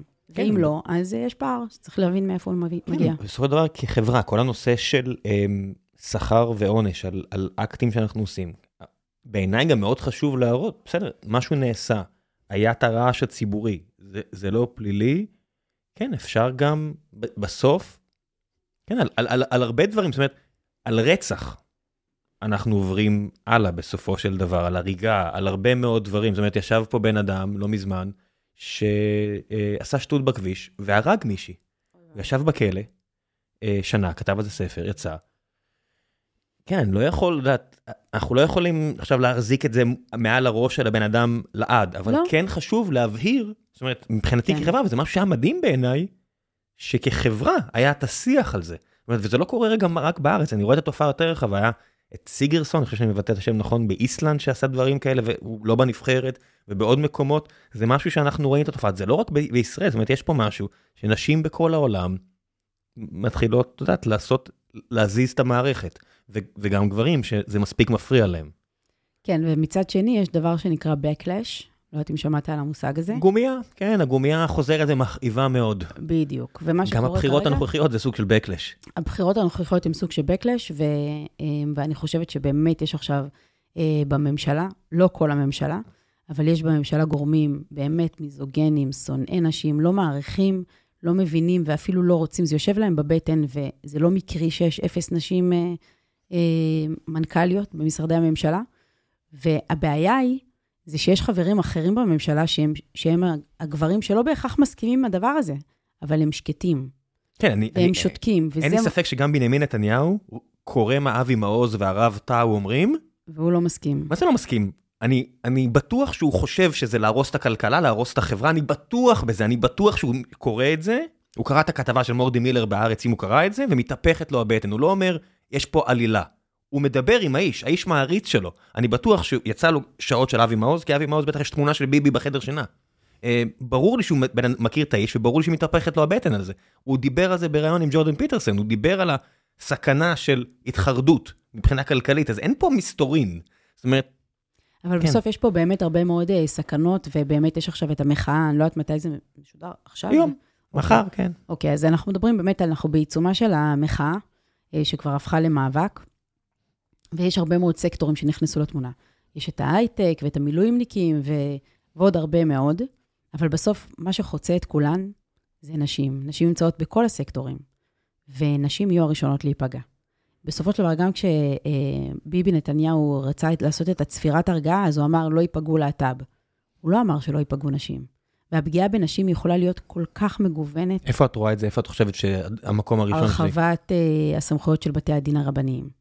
הנשים הראשונות שייפגעו זה נשים חרדיות, שיגידו להן, אתן צריכות לחתום, הרי זה צריך להיות בהסכמה של שני הצדדים. מה, מה, ח... מה, מה... זאת אומרת שאם את עכשיו, אה, את יכולה, את צריכה לחתום, שכאילו אם יהיה בוררות או משהו בחוזה, אז בית הדין הוא... סליחה, אני לא מבין. בית הדין הרבני. מתי חותמים? מה מדובר? הם רוצים להרחיב, אני לא, אני לא אכנס עכשיו לפרטים, רוצים להרחיב את, ה, את ההשפעה, אה, את היכולת של בית הדין הרבני, אוקיי? את הסמכויות שלו, שזה לא יהיה רק אה, בענייני גירושים. על מה זה עוד יכול להיות? נגיד עכשיו אני שוכרת ממך דירה, ואנחנו חותמים שאנחנו צריכים, שאם אנחנו צריכים לצאת לבוררות או משהו כזה, זה יהיה בבית הדין הרבני. עכשיו, תאר לעצמך שאתה אומר שגילית שאני מחללת שבת בדירה, וזאת הסיבה, שאתה מוציא אותי מהדירה. לא משנה אם זה נכון או לא. אני, אני, אני אוריד אצבע לעצמי עוד אחת, ואיבדתי כבר שתיים לפני שאני אחתום על המסמך שאני אתן לרב להחליט. אה, בסדר, אבל כן. כרגע, אבל זה הקטע, שזה לא, לא אתה. זה אתה, ברור, לא, אני, אני לא מזלזל, לא, כן, אני רואה לא לאיפה זה הולך, כן? אז אה, אוקיי, אז מה שקורה זה שנשים חרדיות, הן גם, אה, הם גם ייפגעו. ואני חושבת שבכלל, כל הפגיעה בבג"ץ, כי בג"ץ בסוף הוא זה שהגן גם על נשים, הוא דאג לזה שיהיה מקלטים לנשים חרדיות שהבני זוג שלהם הם בני ישיבות, ובג"ץ הוא זה שביטל את הפסיקה על עמנואל, עם ההפרדה בין תלמידות מזרחיות ותלמידות אשכנזיות. כן, למי ששמע את מה שאמרת לפני כן ואמר, לא, זה איראן, זה לא יקרה פה, כאן, כבר פה יש משמרות צניעות כאלה ואחרות שדואגות שאם ילדה מגיעה לבית הספר, אז זה נמצא מעל הברך, הגרב או לא יודע מה, ואם היא לא מספיק דתית, אז יזרקו כן. אותה מהאולפנה, כי זה רק מוסד חצי רשמי, זה לא מוסד באמת כן. אה, רשמי שהמדינה מפקחת עליו מלא מלא. זאת אומרת, אצל נשים זה כנראה יותר, אצל גברים פחות. כבר עכשיו יש את כל החוקים האלה, אני אומר, לא, זה רק באיראן דברים כאלה. לא, לא זה, זה לא באיראן. ההתעסקות כן. בנושא, אה, בכלל, ההתעסקות בנושא צניעות אה, בסקטור הדתי-חרדי ואפילו הלאומי, הוא אפשר לומר קיצוני, אובססיבי, גובל בפרוורטי. יצא עכשיו איזשהו מסמך כזה של איזה 140 מה גובל בפרוורטי? מה, עצם המחשבה שילדה בת 11 צריכה להתכסות כי היא תעורר מינית מישהו, זה לא גובל בפרוורטי, זה, זה פדופילי על מלא. לגמרי, לגמרי. ויש שם ממש 140 סעיפים שהם כולם אה, לקוחים כאילו מסיפורה של שפחה. מה, המסמך הזה שרץ... אה, כן. אה, אני לא יודע מי אחראי למסמך הזה. קראתי מישהי שאמרה, אה, זה בטח סתם שלוש ילדות שרוצות אה, להגדיל ראש. אני אומר, א', זה מזעזע אותי ששלוש ילדות שרוצות להגדיל ראש יכתבו את המסמך הזה, אבל... זה לא, ילד, זה לא ילדות כתבו את זה, זה, זה אין לי ספק שגברים... אה, כתבו את הדבר הזה, אבל זה לא משנה, כי כמות האנשים שאני פגשתי שהיו באולפנה ונכנסו לה, ועשו להם מסדר. עכשיו, תחשבו על הסיטואציה, למה גבר, למה בכלל צריך להיות ראש אולפנה? בסדר? בואו נתחיל מזה. למה באולפנה של בנות בכלל צריך שיש שם גבר? שעומד וסורק אותם, או שיש כאלה מנהלות שכבה שסורקות, והמטרה היא צניעות, כן? וכל מה שהם בוחנים אותך זה רק לפי איך שאת נראית, והאורך של הגרב והאורך של החצאית, ומחזירים אותך הביתה. כאילו, ההתעסקות האובססיבית הזאת היא באיך שאת נראית, והאם את מספיק צנועה. היא מזעזעת בעיניי. ועדיין, ולמרות כל הדברים האלה, יש הרבה יותר אה, תלונות על עבירות מיניות בקרב ילדים דתיים. זאת אומרת, כן. בהרבה יותר ברור שגם יש יותר ילדים דתיים בגלל שיש, כי ככה זה, אבל גם ביחס לחלקם באוכלוסייה, יש הרבה יותר. אז מילא, זאת אומרת, היית מסתכלת על זה בצורה מדעית, אומרת, כל המשטור הזה על מיניות, ברור, אין לזה וכל שום הטירוף קשר. הזה, באמת היה מוריד את הפשיעה המינית לאפס, אבל לא, אנחנו רואים שיש יותר. זאת אומרת, כי- היית אומרת שמתישהו כל האנשים המאוד לוגיים האלה, שלומדים כל היום תלמוד וכאלה, שרק אומרים לוגיקה, לוגיקה, לוגיקה, אומרים, עוצרים, אומרים, אבל זה לא עובד. כן. זה לא עובד. זאת אומרת, כמות העבירות המיניות, והיה לי פה סיפור שהיה קרוב למישהו פה שבחיי, גם משפחה חרדית בירושלים, שהיא כל כך זעזעה אותי, כי הוא אמר לי כמה ניסו להשתיק את זה. אז זה גם ש- אצלי במשפחה גיליתי, ממש לא מזמן שזה קרה אצלי גם במשפחה, בצד החרדי של המשפחה. אמ, נכון, אבל יש משפט שאומר, what you resist persist, כי ככל שאתה יותר אובססיבי על הסיפור הזה של, ה, של המיניות ולהשתיק, הרי בסוף זה מתפוצץ. מה זה בסוף בסוף? זה- זה לא- זה לא ירד לרגע. נכון. זה עם פריאל, וכל החבר'ה שאנחנו לא מפסיקים לשמוע, יודעת, אז הם אומרים, מה, למה היא התלוננה 30 שנה אחרי על הרב הזה או הזה? מה אתם מדברים? זה, תסתכלו על הסטטיסטיקה, זה, זה כמות מטורפת. אז עוד דבר שהולך לפגוע בנשים, אפרופו, זה שינוי אה, שיטת ה, אה, השופטים. זאת אומרת, אה, התמהיל של השופטים בעצם, אה, זה הולך לעלות מחר בוועדת כן, זה, חוקה. ממש עכשיו, זה לא... כן, וזה, ולמה זה כל כך נורא? כי קודם כל הרוב שם הולך להיות רוב של הקואליציה, ואם הקואליציה אה, תיראה כמו שהיא עכשיו, עם כמעט אפס ייצוג נשים, וגם הנשים שנמצאות שם הן לא נשים שבעד נשים לצערי, לא, לא כולן, חלקן, אז אה, זה ככה הולך להיראות גם בבחירת השופטים.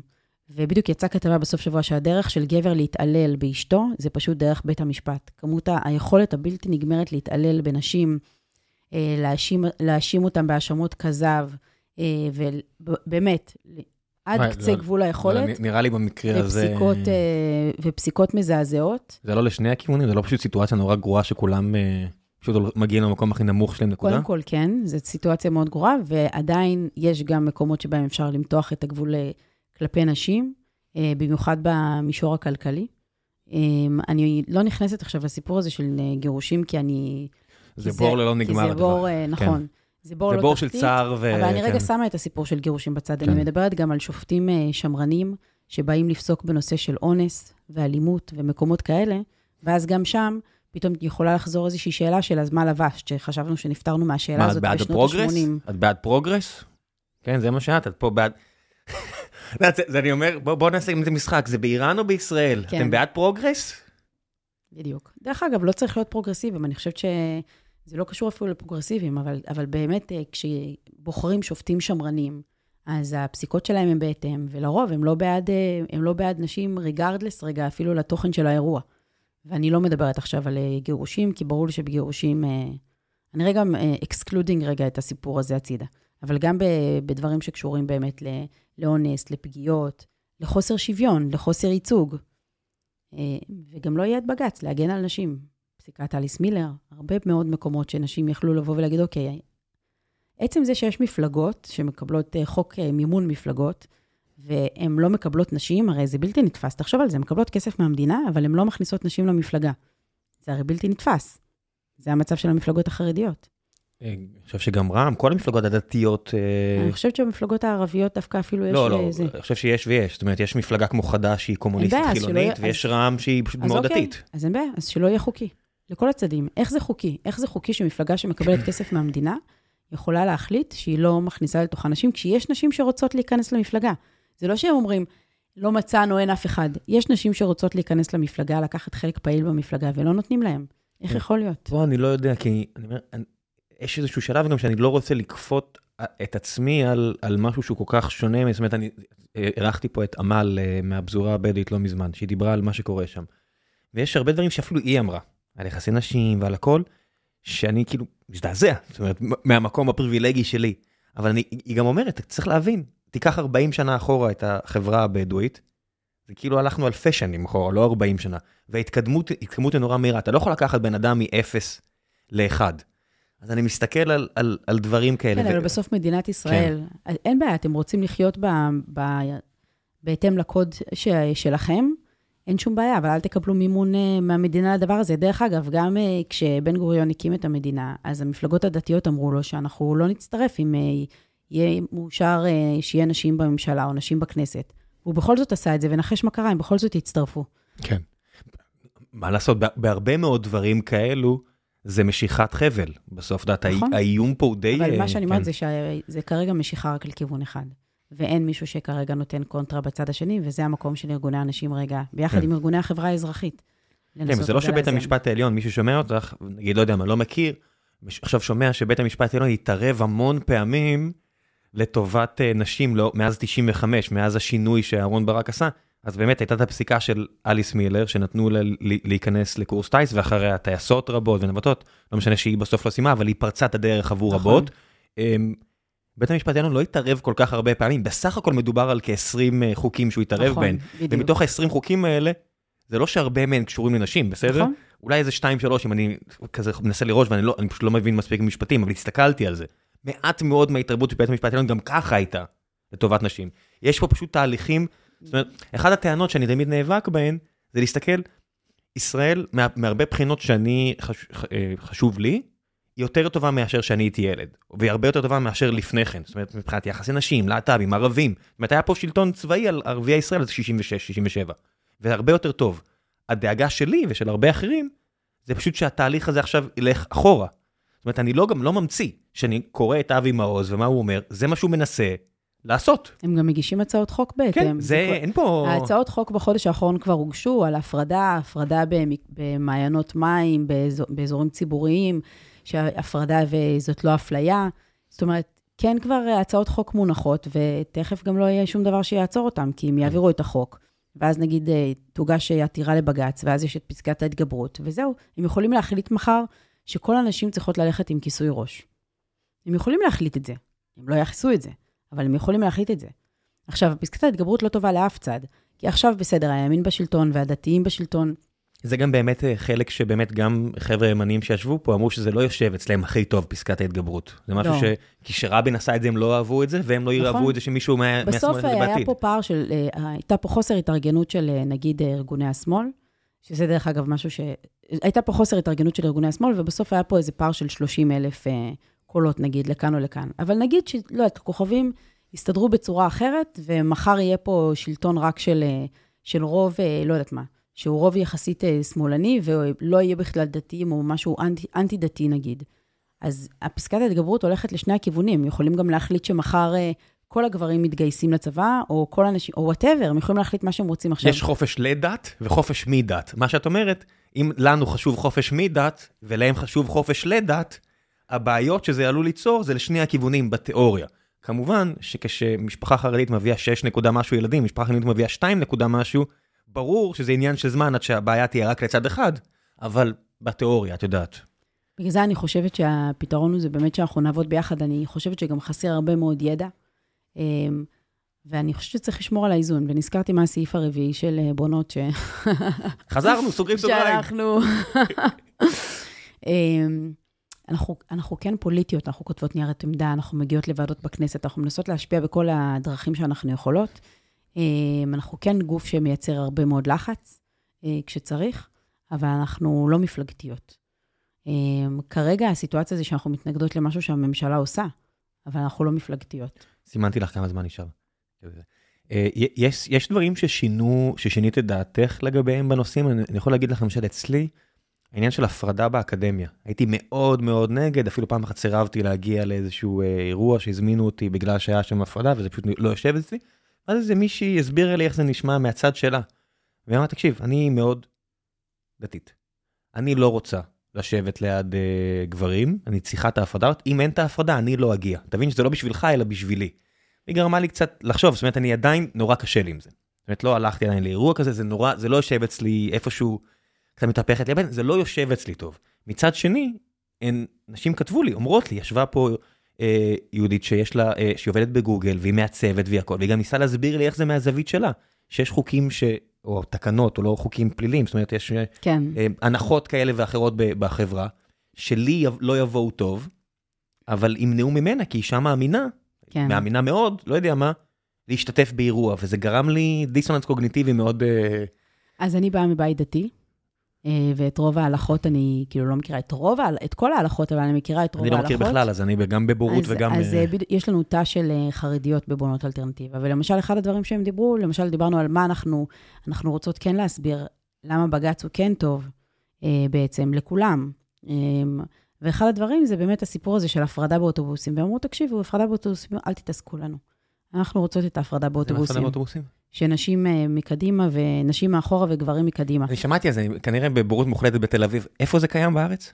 זה קיים uh, בבני ברק, וכנראה, ב, אני חושבת שאולי בעמנואל או משהו. מה זה בבני ברק? הקווים שעוברים דרך נכון, בני ברק זה הקווים שאני נוסע בהם נכון, לפתח תקווה, נכון, מה זה... נכון, נכון, זה הבעיה, שזה גם מתפז... מתפשט קצת, אבל, אבל זה למשל משהו שנשים חרדיות אומרות, אני לא רוצה לשבת ליד גבר, אני כן רוצה שיהיה לי את ההפרדה הזאת. אז אני לא אלחם את המלחמות האלה שלהן, אבל כן, גם אה, במגזר החרדי וגם במגזר הדתי-לאומי יש נשים מוכות, יש נשים שעוברות אלימות, יש נשים שעוברות אלימות כלכלית, יש נשים שהילדים אה, שלהם עוברים אלימות מינית, ומישהו צריך להגן על הזכויות שלהם, מישהו צריך לשמור עליהם, וגם הן צריכות מקלטים, וגם הן צריכות שיטפלו בבעלים וירחיקו את הבעלים או את אה, הגברים הפוגעניים.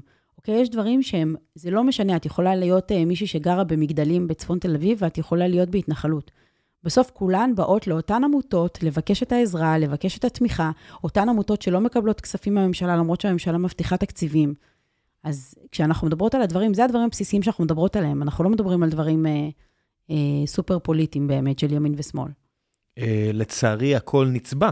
נכון, אבל אה, יש, יש אינטרס אה, מאחורי זה. בוודאי, אפילו אה, סוכר בקולה נצבע בימין ושמאל, וזה היה אישו. בבחירות האלה, ו-as we speak, דרעי, שהוא לא שר הבריאות, אבל הוא עדיין מחליט, אה, החליט, לעניות דעתי לפני כמה שעות, שיהיה, שיישאר המס על משקאות עם סוכר, והוא רק יוריד את המס ממשקאות דיאטטיים, שאני אומר, איך לכל הרוחות הגענו למצב שזה מה שצריך להיות? זאת אומרת, לפני כן עשו חוק של מיסוי על משקאות ממותקים, ומשקאות דיאטטיים yeah. כן. גם הוסו, שזה מוזר מאוד בעיניי. ואז ניסו לקחת את זה לכיוון השני של לא יהיה, ואנשים רבו על זה. המצביעים של ש"ס רבו, אמרו, הנה תראו, ההגמוניה תפסיד ואנחנו נוכל להמשיך לשתות ולהיות עם סכרת ולא משנה מה, ואתם לא תתערבו לנו. ואז הם נבחרים, והם מתקנים את החוק, ואני אומר, לפעמים הכל מוזר לי. אני כבר, יודעת, וגם כי להם... הכל, כי יש פוליטיזציה בהכל, ואתה הכל. כבר לא יכול להבדיל. אתה. לא יכול. הדאגה שלי, אז במקרה הזה, אין לי תלונות, כי זה איכשהו בסוף הולך להתיישב על מה שאני באמת חושב שצריך להיות. מס על סוכר, לא מס על דיאטטי מגניב, כי באמת יש פה בעיה של השמנה מטורפת. נכון. וזה הרבה במגזר הזה, וזה נורא ואיום, וזה... עזבו, לא ניכנס לדיברתי על זה מספיק. מצד שני, אני בטוח שיש הרבה מאוד דברים שיהפכו אותם לפוליטיזציה, ולא יהיה אפשר, ברגע שנכנסים לעמדות כוח, למתן את עצמך. כי השובל, המומנטום בצד הזה יהיה כל כך חזק, שכבר לא יהיה ברירה, אתה תמשיך עם זה. זאת אומרת, פה אני מודאג, שאני, שואלים אותי, אני לא מבין מספיק במשפט כדי להבין מה צריך להיות. אני גם ישבו פה יותר מדי כמו חבר'ה כמו פרופסור מני מאונטנר, וכל מיני חבר'ה שאמרו שמה שהיה לפני כן לא טוב. אז אני לא יודע מה כן צריך להיות, אני יודע שאני מודאג מכך שהמומנטום שאני רואה הוא פופוליסטי מטומטם. זאת אומרת, אני משתמש במילה הזו, אני קורא את אבישי בן חיים, ואני קורא כל מיני חבר'ה, כי אומר, זה, זה טיעונים ברמה לוגית עלובה. אין פה, אני רואה לאיפה זה מוביל, זה מוביל למקומות הכי גרועים שיש, של בוא נדפוק את ההגמוניה. מי זה הגמוניה? נתאים את זה בהתאם ליום ש... שאנחנו רוצים. בכוונה גם הולכים על הגדרות. כל פעם שאתה מבקש, אתה יכול להגיד לי מי זה ישראל הראשונה, ישראל השנייה, רק שאני אדע מראש. בוודאי שלא תהיה הגדרה, כי אתה רוצה להתאים אותה פר סיטואציה. זה מה שמדאיג אותי. זאת אומרת, אנשים אומרים, למה, מוצ... למה חברות מוציאות את הכסף? למה? כי, זה, כי זה, זה נראה כמו הונגריה, טורקיה ורוסיה. מה זה למה? כי כשאתה אומר בוא נדפוק את האליטה ואת ההגמוניה, מי זה אליטה והגמוניה? מה זה פה פנום פן? מה זה פה קמבודיה? מה זה פה? מי זה? תגדיר לי מי האנשים האלה. אתה יודע מי זה. כן? כן. לא, אני לא. בגלל זה אני מבקש הגדרות מדויקות. ואז הם הולכים ל, אה, מי שבעד ביבי. אה, אוקיי. תשמעי, אני, אני, אני גם רואה את ההשפעה. אני בא מבית של מצביעי ליכוד, מה שנקרא ביביסטים הארדקור. ואני רואה את ההשפעה של ערוץ 14. כן, גם אני רואה את זה אצל אבא שלי. כן, שמישהו במשפחה שלי אומר, אתה וכל האשכנזים בתל אביב, אומר, אחי, אנחנו חולקים גנטיקה, כן? אנחנו, כן. אנחנו ברור שאנחנו חולקים גנטיקה פה. זה אותו דבר עם אבא כן. שלי. אבא שלי אה, גם, הוא צרכן אה, נלהב של אה, ערוץ 14, ואנחנו... ורואים את הפערים, הם פשוט משתמשים בכל הכלים שלרשותם ל... כן. כן, כי, כי את יודעת, המילים מאבדות, זה, זה הכי 1984, כי אשכנזים זה כבר לא מוצא גניאולוגי, לא שלפני כן באמת כולם פה כאלה תיאורים. זה state of mind. כן, את יודעת, הבן שלי יכול להיות חצי עיראקי, אבל זה לא משנה, זה לא באמת, אה, כי זה פשוט הגדרה, וההגדרה היא פלואידית, אם אתה איתנו או נגדנו, אם תשנה את הדעה שלך, אז אתה כבר נגדנו. אז בגלל זה אני חושבת שהבסיס שלנו בסוף כן אה, לייצר שינוי זה דרך נשים. כי ברגע שנשים יבינו שהן נפגעות ממה שקורה, אז הם, אה, זה בעצם הבסיס, ש... כי, וצריך לנטרל את זה משמאל וימין. כי כמו שאמרתי, נשים מוכות, נשים שעוברות אלימות, חוק איזוק אלקטרוני הוא לא רלוונטי רק לנשים שמאלניות, הוא רלוונטי... חוק איזוק אלקטרוני זה חוק שאומר שהוא לא עבר, דרך אגב, בגלל חברים בקואליציה הנוכחית. הוא לא עבר. אה, זה חוק שבעצם אומר שגבר שתקף את אשתו מספר פעמים והוצא נגדו צו הרחקה, והוא פעמיים אה, אה, הפר, אז יהיה עליו איזוק אלקטרוני. עכשיו, אתה רוצה לשמוע משהו מצחיק? החברה שעושה את האיזוק... אני לא יודע אפילו מה זה. איזוק אלקטרוני, שכאילו אתה... לא, ש... מה זה אומר שיש עליו או אין עליו איזוק אלקטרוני? שיש עליו איזוק אלקטרוני, ואז אם הוא מתקרב ברדיוס מסוים לאשתו, או ל... לא משנה, לפרודה שלו, למישהו, לא, כשהוא מורחק, אז בעצם המשט... המשטרה יכולה להתערב. המשטרה תדע מזה. ואז אחד, אתה לא כן. צריך, כן, ואז אחד, אתה לא צריך להוציא עכשיו אישה ואת הילדים שלה למקלט, לעצור לה את החיים, להוציא את הילדים מהבתי ספר וגם תחשוב על המשאבים והכסף, אתה רק צריך להרחיק את הגבר. אוקיי? זה כאילו כל מה שאתה צריך לעשות. והפילו את זה? זה נשמע לי אחלה, זה גם כן. יש חברה שיכולה למכור את זה, אז אפשר אז, אוקיי, לשמן אז מישהו. הקטע המצחיק, החברה שעושה את זה, שזו חברה שעושה את זה באיזה 30 מדינות ברחבי העולם, זה בכלל חברת סטארט-אפ ישראלית שעושה את הטכנולוגיה הזאת, של, גם של הצימוד האלקטרוני וגם של כל הטכנולוגיה, והייתי איתם בדיון. ואומרים, תקשיבו, אנחנו יודעים, הם עושים את זה בברזיל, ועושים את זה בעוד מקומות, ואומרים, אנחנו ממש הורדנו לאפס את המקרים של, ה, של הרצח של נשים, זה ממש מציל חיים, והם אומרים, אנחנו פה בשביל ציונות, אנחנו מוכנים לתת בחינם את השירות הזה. מה היה הטיעונים נגד?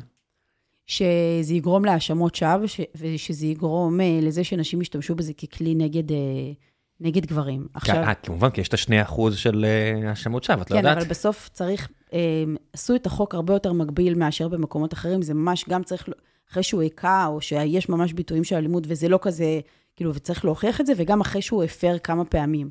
זאת אומרת, הם עשו את זה אפילו יותר מחמיר מאשר במקומות אחרים, אוקיי? אבל בסוף ההחל... התחושה הזאת שהם, של, של איבוד שליטה ושכאילו שירחיקו את הגבר, הם פשוט לא הסכימו לדבר הזה. אני מדברת על חברי כנסת שלא הסכימו אה, אה, לדבר הזה, ובאה החברה הישראלית ואומרת, אנחנו עושים את זה בכל העולם, זה מוכיח את עצמו, אנחנו מוכנים לעשות את זה בארץ בחינם, בציונות, רק תנו לנו לעשות את זה. ורק בישראל לא נותנים להם לעשות את הדבר הזה. מתי זה קרה? זה בלתי נתפס. עכשיו? החוק עבר בקריאה ראשונה בממשלה הקודמת, והוא כנראה ייקבר בממשלה הנוכחית. זה ממש מדהים, את יודעת? יש עוד חוקים כאלה. יש גם חוק אלימות כלכלית שרצינו, שניסינו להעביר. שמה? כשאני אומרת ניסינו ארגוני אנשים, כאילו, ביחד עם... חוק אלימות כלכלית, שזה דרך אגב חוק שלא מדבר רק על גבר כלפי אישה, אלא באופן כללי. אתה יודע מה זה אלימות כלכלית? אני, אני יודע בערך. אוקיי, אז אלימות כלכלית זה שצד אחד... מי שיש לו יותר כסף מגביל את הצד השני. לא, לא בהכרח, דרך אגב, זה יכול להיות גם אישה שמרוויחה יותר. אמרתי, מי שיש לו יותר כסף מגביל את הצד השני. לא, לא, לא, לא, אני אומרת, זה יכול להיות גם שאישה מרוויחה יותר, אבל הגבר הוא אומר לה, אני נותן לך הקצבה, את מאשרת איתי מה שאת מוציאה, את מאשרת איתי את מה שאת... אני, אתה צוחק, אבל זה יכול... זה לא, אני לא צוחק, מהחיים, אני... כן. מחיים של נשים, הרבה נשים, יכול להיות שזה גם עובד לגברים, אבל בסוף האלימות הזאת היא אלימות לכל דבר. אולי אנחנו חושבים שאלימות זה רק מכות, או משהו פיזי, אבל זה אלימות כלכלית לכל דבר, וזה גם אלימות שמונעת מאישה, הרבה פעמים יכול גם להגיד, הגבר יכול להגיד לאישה, את לא יוצאת לעבוד, או אם את יוצאת לעבוד, אבל אני מחליט על מה ש... לאן הכסף הולך ומה קורה איתו. אז אחד, גם אם היא רוצה לקום וללכת, היא לא עצמאית, אז היא לא יכולה ללכת. בשביל זה יש, דרך אגב, עמותה מדהימה שנקראת רוח נשית, שעוזרת לאנשים להתפתח, לפתח עצמאות כלכלית. ואז באו והציעו את ההצעת חוק הזאת, שזו הצעה שהיא מאוזנת לשני הצדדים, כדי להכיר בדבר הזה כ, כסוג של אלימות, כדי שאפשר יהיה לתבוע. ואז אה, איזה חבר כנסת אמר, מה, כשאישה גורם, גומרת את כל הכסף אה, בקניות בזארה, בשמלה, זה גם אלימות? כשהיא גומרת לו את כל הכסף על לקנות שמלות, אה, גם אלימות כלכלית? כאילו, קודם כל הגחיכו את זה, וזה כמובן לא הכוונה, אבל... בטח, יש לנו מסורת ארוכה של זה, מאז ש... את יודעת, מאז שגנדי הצדיק, שיש קשרים על שמו, עמד אה, על בימת הכנסת ואמר, כשאישה אומרת לא, מה זה אומר, וחייך לעצמו. כן. את יודעת, כשהוא לא היה עסוק, כן. זה הפיל את זה, זה הפיל בסוף את ה... זה הפיל את ההצעת חוק הזאת. כאילו, באמת זה הפיל את זה. כי הם באמת חושבים ככה, מבינה בעולם שלהם. נכון, אבל כרגע בעולם, זה העולם שלהם, אבל זה הופך להיות העולם שלנו. כן. אתה יודע מה ההבדל ביני לבינך? שאני, אם אני לא אעשה כלום, אין לי את הפריבילגיה לא לעשות כלום ולא להתנגד. כי בסוף ההחלטות 아, שלהם ישליכו, כן. שהם יחליטו, כן. שהם, יש, ההחלטות שלהם ישליכו עליי. יכול להיות שאני אגלה יום אחד שאני לא יכולה להתגרש כמו שאני רוצה, למרות שגם עכשיו, שאני לא כן. יכולה לעשות הפלה. אנחנו התחתנו בניו יורק ו... כן. וזה לא עוזר ברגע שנרשמנו. שאני כן. לא יכולה לעשות הפלה, שאני אגלה יום אחד שאני צריכה ללכת לאירועים, אה, שאני רוצה ללכת לטייל עם הילדים שלי אני בטבע. לא נכנס לך לחיים הפרטיים, אבל גם עכשיו, אם תרצי לעשות הפלה, את יש צריכה- ועדה. יש ועדה די נכון. משפילה בארץ, ש... אה, נכון, יש ועדה די פשוט, משפילה, פשוט אבל... כולם עוברות את זה, כולן צריכות לשקר, כן. אבל זו הסיטואציה. בארץ, נשים שהן, אה, ב, אה, נשים נשואות צריכות לשקר כדי לעשות אני הפלה, כולן עושות את זה, נכון, ואז מה שקורה זה שהגבר יכול אחרי ששיק... הרי הדרך... להשתמש בזה, כן. אני, אני חיפשתי, כי. קראת, ראיתי את הדיון, לא ראיתי דוגמאות, אז אני לא הולך לזה, אבל עצם העובדה שצריך לשקר, אני, אני כן. לא הולך למה יכול להיות, אני כן. הולך למה בטוח. האישה צריכה לשקר, צריכה להגיד שהיא בגדה, צריכה כן. להגיד שזה, ממזר. שהיא שתתה, צריכה להגיד לא יודע מה, דברים, כדי לקבל את האישור להפלה. כולם קורצים קורצים, אומרת, כי יכול להיות בוועדה אנשים שכולם לא רוצים להיות רוצים. להכניס עכשיו דיין לוועדה. שיהיה, כן, בוודאי, למה לא? דרך אגב, הנ- הנתונים של הנשים שמגיעות לוועדה כנראה מועברים לכאורה בצורה כזאת או אחרת לכל הארגונים שאחר כך מתקשרים, לפעמים מדובר בנערות צעירות ומתקשרים אליהם ומשכנעים עמותת אותם. אפרת הידועה לשמצה לגמרי, וכו'. ומשכנעים אותם. ולי הייתה עובדת צעירה, שאמרו לה, אמ, אנחנו נטפל בך, אנחנו נדאג לך, אנחנו ניתן לך דקה אחרי שהיא ילדה. היא גילתה שהיא לבד ולא היה לה שום תמיכה ולא שום דבר, ואני זוכרת שגם, אני גרה בחולון, העלה פעם אחת פוסט בפורום, יש אה, נערה צעירה שלא היה לה אפילו אוכל לתמל, הם פשוט נעלמו, אוקיי? אז הם גם מקבלים את המידע, הם גם משפיעים על נערות צעירות או נשים שהן בצורה, אוקיי? וגם לא באמת נותנים את התמיכה. ברור, למה- ברור שהם לא יודעת, את יודעת כמה עולה לגדל ילד, ברור לך נכון. שעמותה כמו אפרת לא באמת אבל יש להם תקציב מלא לפרסום באוטובוסים. כי פרסום אוטובוסים, עול- כל הפרסום בכל האוטובוסים עולה כמו לגדל ילד אחד בתל אביב, בתל אביב, ילד אחד באלעד, ילד אחד באפרת, אבל בסדר? עצם זה שבעת- שהם מקבלים את הפרטים ומקבלים את המידע, זה גם סימן שמשהו צריך להתעסק בו. כן, אה, בוא נעשה קצת שאלות מן הקהל בחמש דקות האחרונות שנשארו. אה, רומן שניידרמן שואל, למה פמיניסטיות, זה במרכאות, לא פועלות במקומות שנשים הכי נפגעות בהם, כמו המגזר הבדואי, במיוחד במגזר הערבי, נשים עניות, מבוגרות בדרום תל אביב, שנפגעות, שנפגעות קשה ממהגרים לא חוקיים. אז כמו שאמרתי, כשאתה מתעסק רק בנשים שנאנסות על ידי זרים או ערבים, אתה כנראה גזען. ודבר שני, יש הרבה מאוד ארגוני נשים שפועלים אה, גם במגזרים האלה, גם אה, אקטיביסטיות יהודיות, גם אקטיביסטיות אה, ערביות. אה, אני מציעה לך לבוא וללמוד מה ארגוני נשים עושים. יש מעל 50 ארגוני, מעל 80 ארגוני נשים. התקציבים שהם מקבלים מהממשלה הם זעומים. באופן כללי, 0.9% מהפילנטרופיה העולמית הולכת למען נשים ושוויון נשים, אז אני מציעה שהדבר הראשון שתעשה זה שתתרום לאחד מארגוני הנשים, אני מניחה שזה בנפשך. אה, חגי מורג, בתור אשת שיווק ופמיניסטית, איך את רואה שצריך למכור, שוב במרכאות, את הפמיניזם גם למגזרים עם זיקה לשוויון וגם למגזרים שהשוויון לא נמצא בהם? איך מקדמים את השיח מטיעונים חלולים לשיח רציני ואפקטיבי? אני לא מכירה שיח של טיעונים חלולים. אני חושבת שלפמיניזם יש אה, bad reputation, שכמובן נוצר על, על ידי גברים, אבל מה זה פמיניזם בסופו של דבר? זה שוויון. אז אוקיי, נעים לך שאני אגיד שוויון ולא אגיד פמיניזם, אז אני אגיד שוויון. יש לך בעיה עם זה שאני אגיד שוויון? דרך אגב, זה שאני אומרת שאנחנו שווים, זה לא אומר שאנחנו דומים. נשים וגברים הם לא אותו דבר. אתה כנראה יש לך כוח מתפרץ יותר חזק ממני, אז כנראה שאתה חזק יותר ממני בכוח מתפרץ, אבל כנראה שאני עמידה יותר בפני מחלות, והתוחלת חיים שלי יותר גבוהה משלך, אז כנראה שאני חזקה ממך בממדים אחרים. סטטיסטית, את תחיה יותר שנים ממני. נכון. ואני גם תחת הרבה לחץ, אני בטוח אתפגר. יותר- אז מי יותר חזק, אתה מבין? אתה מבין כן. למה אני מתכוונת? כאילו, בדיוק. גם אני מקליט פה עוד אה, 12 שעות פרק של ציון שלוש עם אושרת עיני, ובוודאות היא יותר טובה ממני בכדורגל. לדבר עם אושר- עם אושרת עיני, הייתה חלק מש- מהמאבק שעשינו אנחנו- על ה... תסגור מעגל עם אה, בונות לא, אלטרנטיבה. אנחנו, כן, היא עושה את זה גם אה, עם, דסקל וגם אצלנו, והיא מדברת על זה הרבה, כי היא שיחקה עם נבחרת ישראל, נכון. ומן הסתם זה בדם ליבה, והיא בבירור הרבה יותר טובה ממני מן הסתם. אה, מה לעשות, כי היא אתלטית ואני לא. ארכדי בוטמן של, לחוק קידום נשים בעבודה יש השפעה דואלית על תעסוקת נשים. אם ניקח את חוקי ההגנה על נשים בהיריון, הרי שמצד אחד חוקים כאלה מגינים על נשים מפני פיטורים שרירותיים של המעסיק, אך מצד שני מייצרים תמריץ שלילי למעסיקים להעסיק נשים. אם יתברר, אני מקריא כלשונם, אם יתברר שהיא עובדת גרועה וייתכן ולא אוכל לפטר אותה. האם האורחת אה, בכלל תומכת בחוקים מעינינו, ובהנחה וכן, איך מוצאים את האיזון? אה, אני חושבת שהחוק תקף על נשים בהיריון רק אה, מעל אה, חצי שנה. פלוס, אם, אם העובדת לא טובה ואתם רוצים לא, לפטר אומרת, אותה, יש גם החרגות של משרד קודם העבודה. כל, משרד ו- העבודה כמעט תמיד מאשר, אה, בוועדת חריגים הכל כן. עובר, ואם זו עובדת, אה, יש יש לך חצי שנה איתה, כאילו, לנסות לברר, אה, לברר איך איך העובדת, אוקיי? כאילו... חוקי התעסוקה בארץ, הנה אני אגיד את זה, בסדר? כמי שפיטר והעסיק הרבה מאוד אנשים, חוקי התעסוקה בארץ די מגניבים. אני לא יודע איך זה בכל המגזרים, שיש פחות ביקוש לעובדים ופחות עובדים, ידה ידה ידה. אתה רוצה לפטר בן אדם, לא כזה קשה פה. זה כן, לא כזה קשה. מדי פעם המחלקה המשפטית צריכה לעשות, אולי אפילו דברים שקורים עכשיו, ידה ידה ידה. כן, באופן כללי, אני מסתכל, כי אנחנו מעסיקים אנשים ב-30 משהו מדינות, בישראל חוקי העבודה מאוד טובים למעסיקים. וזה שמגינים פה אנשים בהיריון, אחלה. אמ, בוא נעשה עוד שאלה אחת וזהו. האם לדעתך תעשיית הטק יותר ידידותית לנשים ממגזרים מאשר ממגזרים ענפים אחרים, או לא? לא. לא? לא, אני חושבת שיש אה, הרבה פינק ווש, בגלל שזה כן אה, תעשייה שהיא עם הפנים הרבה פעמים למשקיעים, ובארצות הברית יכול להיות שרוצים כן להציג, אז, הם- אז הם מבינים שהם צריכים, הם לא עושים את זה כי הם באמת אה, מבינים את הצורך, את הצורך בגיוון, או למה צריך אישה מסביב לשולחן, אלא רק כי זה נראה טוב בעיני המשקיעים. אנחנו רואים כל הזמן אה, קבוצות של גברים שנראים בול אותו דבר, שיצאו מבחינת גיוון מאותו- בוודאי כן. שיצאו מאותו, מאותה יחידה ועושים את הדברים אה, ביחד. אה, אני לא בטוחה ש...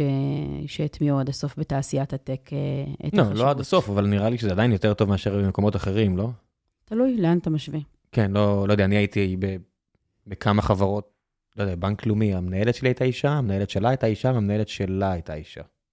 נו, אז סבבה, לא? לא, אני אומר, יש, ש- יש מגזרים אחרים, זאת אומרת, כן. כן, אה, שלוש דרגות, בדיוק, ממני לרקפת היה שלוש דרגות, ושלושתן היו נשים. כן.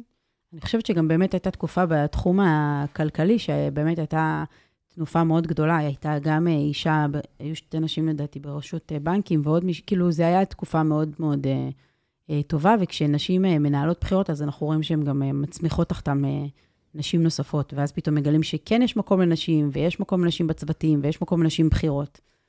אבל תעשיית הטק, לא ראיתי שהיא בולטת איזה. שוב, למה אתה משווה את זה? לתעשיות כבדות, כאילו, אתה מבין? אה, כן. פועלים במפעלים. יש, בסדר. יש דברים שהם נוראים מטבעם, כמו צבא. אה, לא יודע, מבחינתי, אני אהבתי את הצבא. אה, גם אני אהבתי את הצבא, לפחות בחלק מהדברים, אבל כשאת ממלאת לאנשים אה, את הראש במחשבות נעלות כאלה ואחרות, יש גם דברים אחרים. אני אתן לך דוגמה. אם מגיע מישהו, קצין בכיר, ויש לו עובדות שהן חצי משרתות שלו, גם אם הוא טהור, זה הוא- לגמרי, וואו. מה- משהו בול. מתעוות בתפיסה ברור. של אותו אלוף, שהיא לא הגיונית. אם התפקיד של מישהי זה לשרת אותך, וזה מה נכון. שזה, מחוץ למערכת הזאת, זה כמו שאם תיקחי אה, דת, אז בלי כל האלפיים שנה זה נראה כמו כת, אז זה כת, אז אני מסתכל על צבא. אם אני רואה את העובדת של האלוף, והיא משרתת אותו, אז היא משרתת, אוקיי? בואו נוריד את הדברים פשוט האלה. מה שקורה זה שאחר כך הם יוצאים, שוב, יכול להיות שיש אבל גם קצינות שעובדות איתו, ויש גם... יש אה, הכל, יאיר יש גולן. ישב פה והוא כולו אה, מאוד, אה, הבן אדם כאילו שירה צרפתית והכל בסדר, עדיין. היו תקופות שהיו לו משרתות. כן. זה מה שזה. הבעיה היא שאחר כך הם, הם יוצאים לאזרחות, ובאזרחות הדפוסי מחשבה האלה עדיין מתקבעים אצלהם. כן. לא, וזה לא שהם כולם לא בסדר, פשוט אני אומר, חלק מהנורמות האלה מעוותות את ה... זאת אומרת, זה כמו שאני אגיד לך, חלק מחבריי הטובים ביותר, אה, מכרו את החברות שלהם והכל, ויש להם עכשיו המון כסף. זה משנה את צורת החשיבה שלך, לא יעזור כלום. גם אם אתה בן אדם הכי חמוד בעולם, יש לך 20 מיליון דולר בבנק בצורה כזו או אחרת, או הרבה יותר מזה, זה משנה את צורת המחשבה שלך, לא יעזור. יש לך משרתות, זה משנה. אה, אבל האחריות היא עליהם. כן. האחריות היא עליהם לשנות את, ה, נכון? את החשיבה הזאת. ועדיין, לא הם מבינים דברים. משתנים. אז בגלל זה אני אומר, ביחס למה אני אומר, בעצם רק הנורמה פה, ש, שיש חוק, עזבי אם זה פינקווש או לא, אם אני אראה פה הטרדה מינית, אני חייב לרוץ לדירקטוריון ולהגיד את זה, רק הדבר הקטן הזה משפיע מאוד לטובה בעיניי. אה, לא אומר שזה מושלם, אני כן חושב שיש פה נורמות שחבל שאין בעוד מקומות. אה, חלק אחרון של הפרק, המלצות. כל מה שבא לך, אין רגולציה, אה, ואת יכולה להגיד מה שאת רוצה. המלצות על מה שבא לך. סדרות, ספרים, אה, העמותה, לא עמותה, ההתארגנות שלכן, אה, כל מה שאת רוצה. אה, וואו, מגניב. כן. אז אה, קודם כל, אני מזמינה אתכם להצטרף, אה, אתכם ואתכן להצטרף לבונות אלטרנטיבה. אם אתם גם ידידים ממש שווים, אז אה, בכלל תכתבו לי ונצרף אתכם לידידים. להשאיר את האימייל שלך? אבל אנחנו פועלים אה, על בסיס ציות מוחלט. סתם. compliance. לא, לא, זה היה בצחוק, זה היה בצחוק. כן. אמ, אז זה לגבי, אה, לגבי זה, ובאמת חשוב אה, שתתעוררו ותראו רגע דברים סביבכם, שתהיו, ערניים. יום אה, האישה מגיע, ולמרות שאני כאילו לא הייתי רוצה למסגר את זה רק לזה, אבל אני חושבת שזו הזדמנות טובה, תמיד שואלים מה לעשות ביום האישה. אז אני חושבת שביום האישה צריך לקחת את כל הגברים לשיחה, ולהראות להם איפה ה blind spot שלהם. אני לא חושבת שנשים צריכות עוד שיעצימו אותם, או שיגידו להם כמה הן מדהימות, הן יודעות את זה, והן גם יודעות איפה הן אה, נמצאות, ומה יש להם, איפה החיים טובים אליהם ואיפה לא. אבל אני חושבת שגברים צריכים לשבת בשיחה. אם תרצו שאני אבוא לעשות איתכם את השיחה הזאת, אין לי שום בעיה לעשות את זה. וחוץ מזה, משהו שגיליתי כאילו קצת באיחור, אבל uh, סדרה חדשה, The Last of Us, ש... שהרבה זמן לא ראיתי סדרה כזאת טובה, ואפילו בעלי נשאר ער עד הסוף. HBO, אחלה יוצרים, אחלה נכון. משחק מאחורי הקלעים, גיבורה נשית, אה, במקרה הזו, אה, במקרה הזה ילדה, אבל עדיין גיבורה, הנה משהו שלא היה לפני כן. זה משהו ש... למה, היה. למה אם... לא היה הרבה, לא, לא שרק עכשיו, לא, בוודאי, בוודאי, אני אומר, בשנים האחרונות, אחד מהדברים שקרו... שלא היה, כן. כן, יש לך עכשיו גיבורות למשחקים, גיבורות לסדרות. אה, וזה לא טום בריידר, דעת חזה מובלט כן. וכל הדברים האלה, אלא פשוט נשים רגילות, ילדות, מבוגרות, כל הדברים. כן. ונרמלו את העניין הזה, זה לא במקום מושלם, בוודאי. זאת אומרת, כן. כמו בטק, זה רחוק מלהיות אידיאלי, אבל זה כבר לא big deal. כן. זה המקום הכי טוב, שזה משהו פשוט לא נהיה big deal. אם המנכ"ל של אפל הוא אה, אה, הומו מוצהר, וזה לא issue, זה, זה, זה האידאה. כן. האידאה זה לא לעשות מזה עניין, אלא להגיע למצב ש... אבל כן. מה שאתה אומר זה חלק מהטרלול הפרוגרסיבי. אתה מבין? אה, זה היופי, אה, כי ישראל היא לא אי. אז אבי מעוז יכול אה, ללכת לעשות חמוצים, אם בסוף המנכ"ל שלו, של אפל הוא הומו מוצר, וישיבת הר המור, כל מה שהיא הוציאה זה קשקושים, זה לא מדויק, כן. כי אני רוצה להפנות אותך ל... לא, הם, ברור שבישראל הקטנה אנחנו כן, נסבול מזה, כן? נסבול אבל... מזה, בדיוק. זה, בוודאי, כמו ש... כן? זה כמו שאתה יכול לראות באמירויות. אוקיי, כלפי חוץ הכל יכול להיות uh, סופר סובלני עד גבול מסוים, אבל בפנים אנחנו כן. אבל בפנים כן. אנחנו, הם, עדיין הם יכולים לעשות בנו שמות uh, בארץ, וזה לא משנה איך אנחנו... והם לא יבטלו את, את uh, מצעד הגאווה. זה הדבר האחרון שהם יבטלו.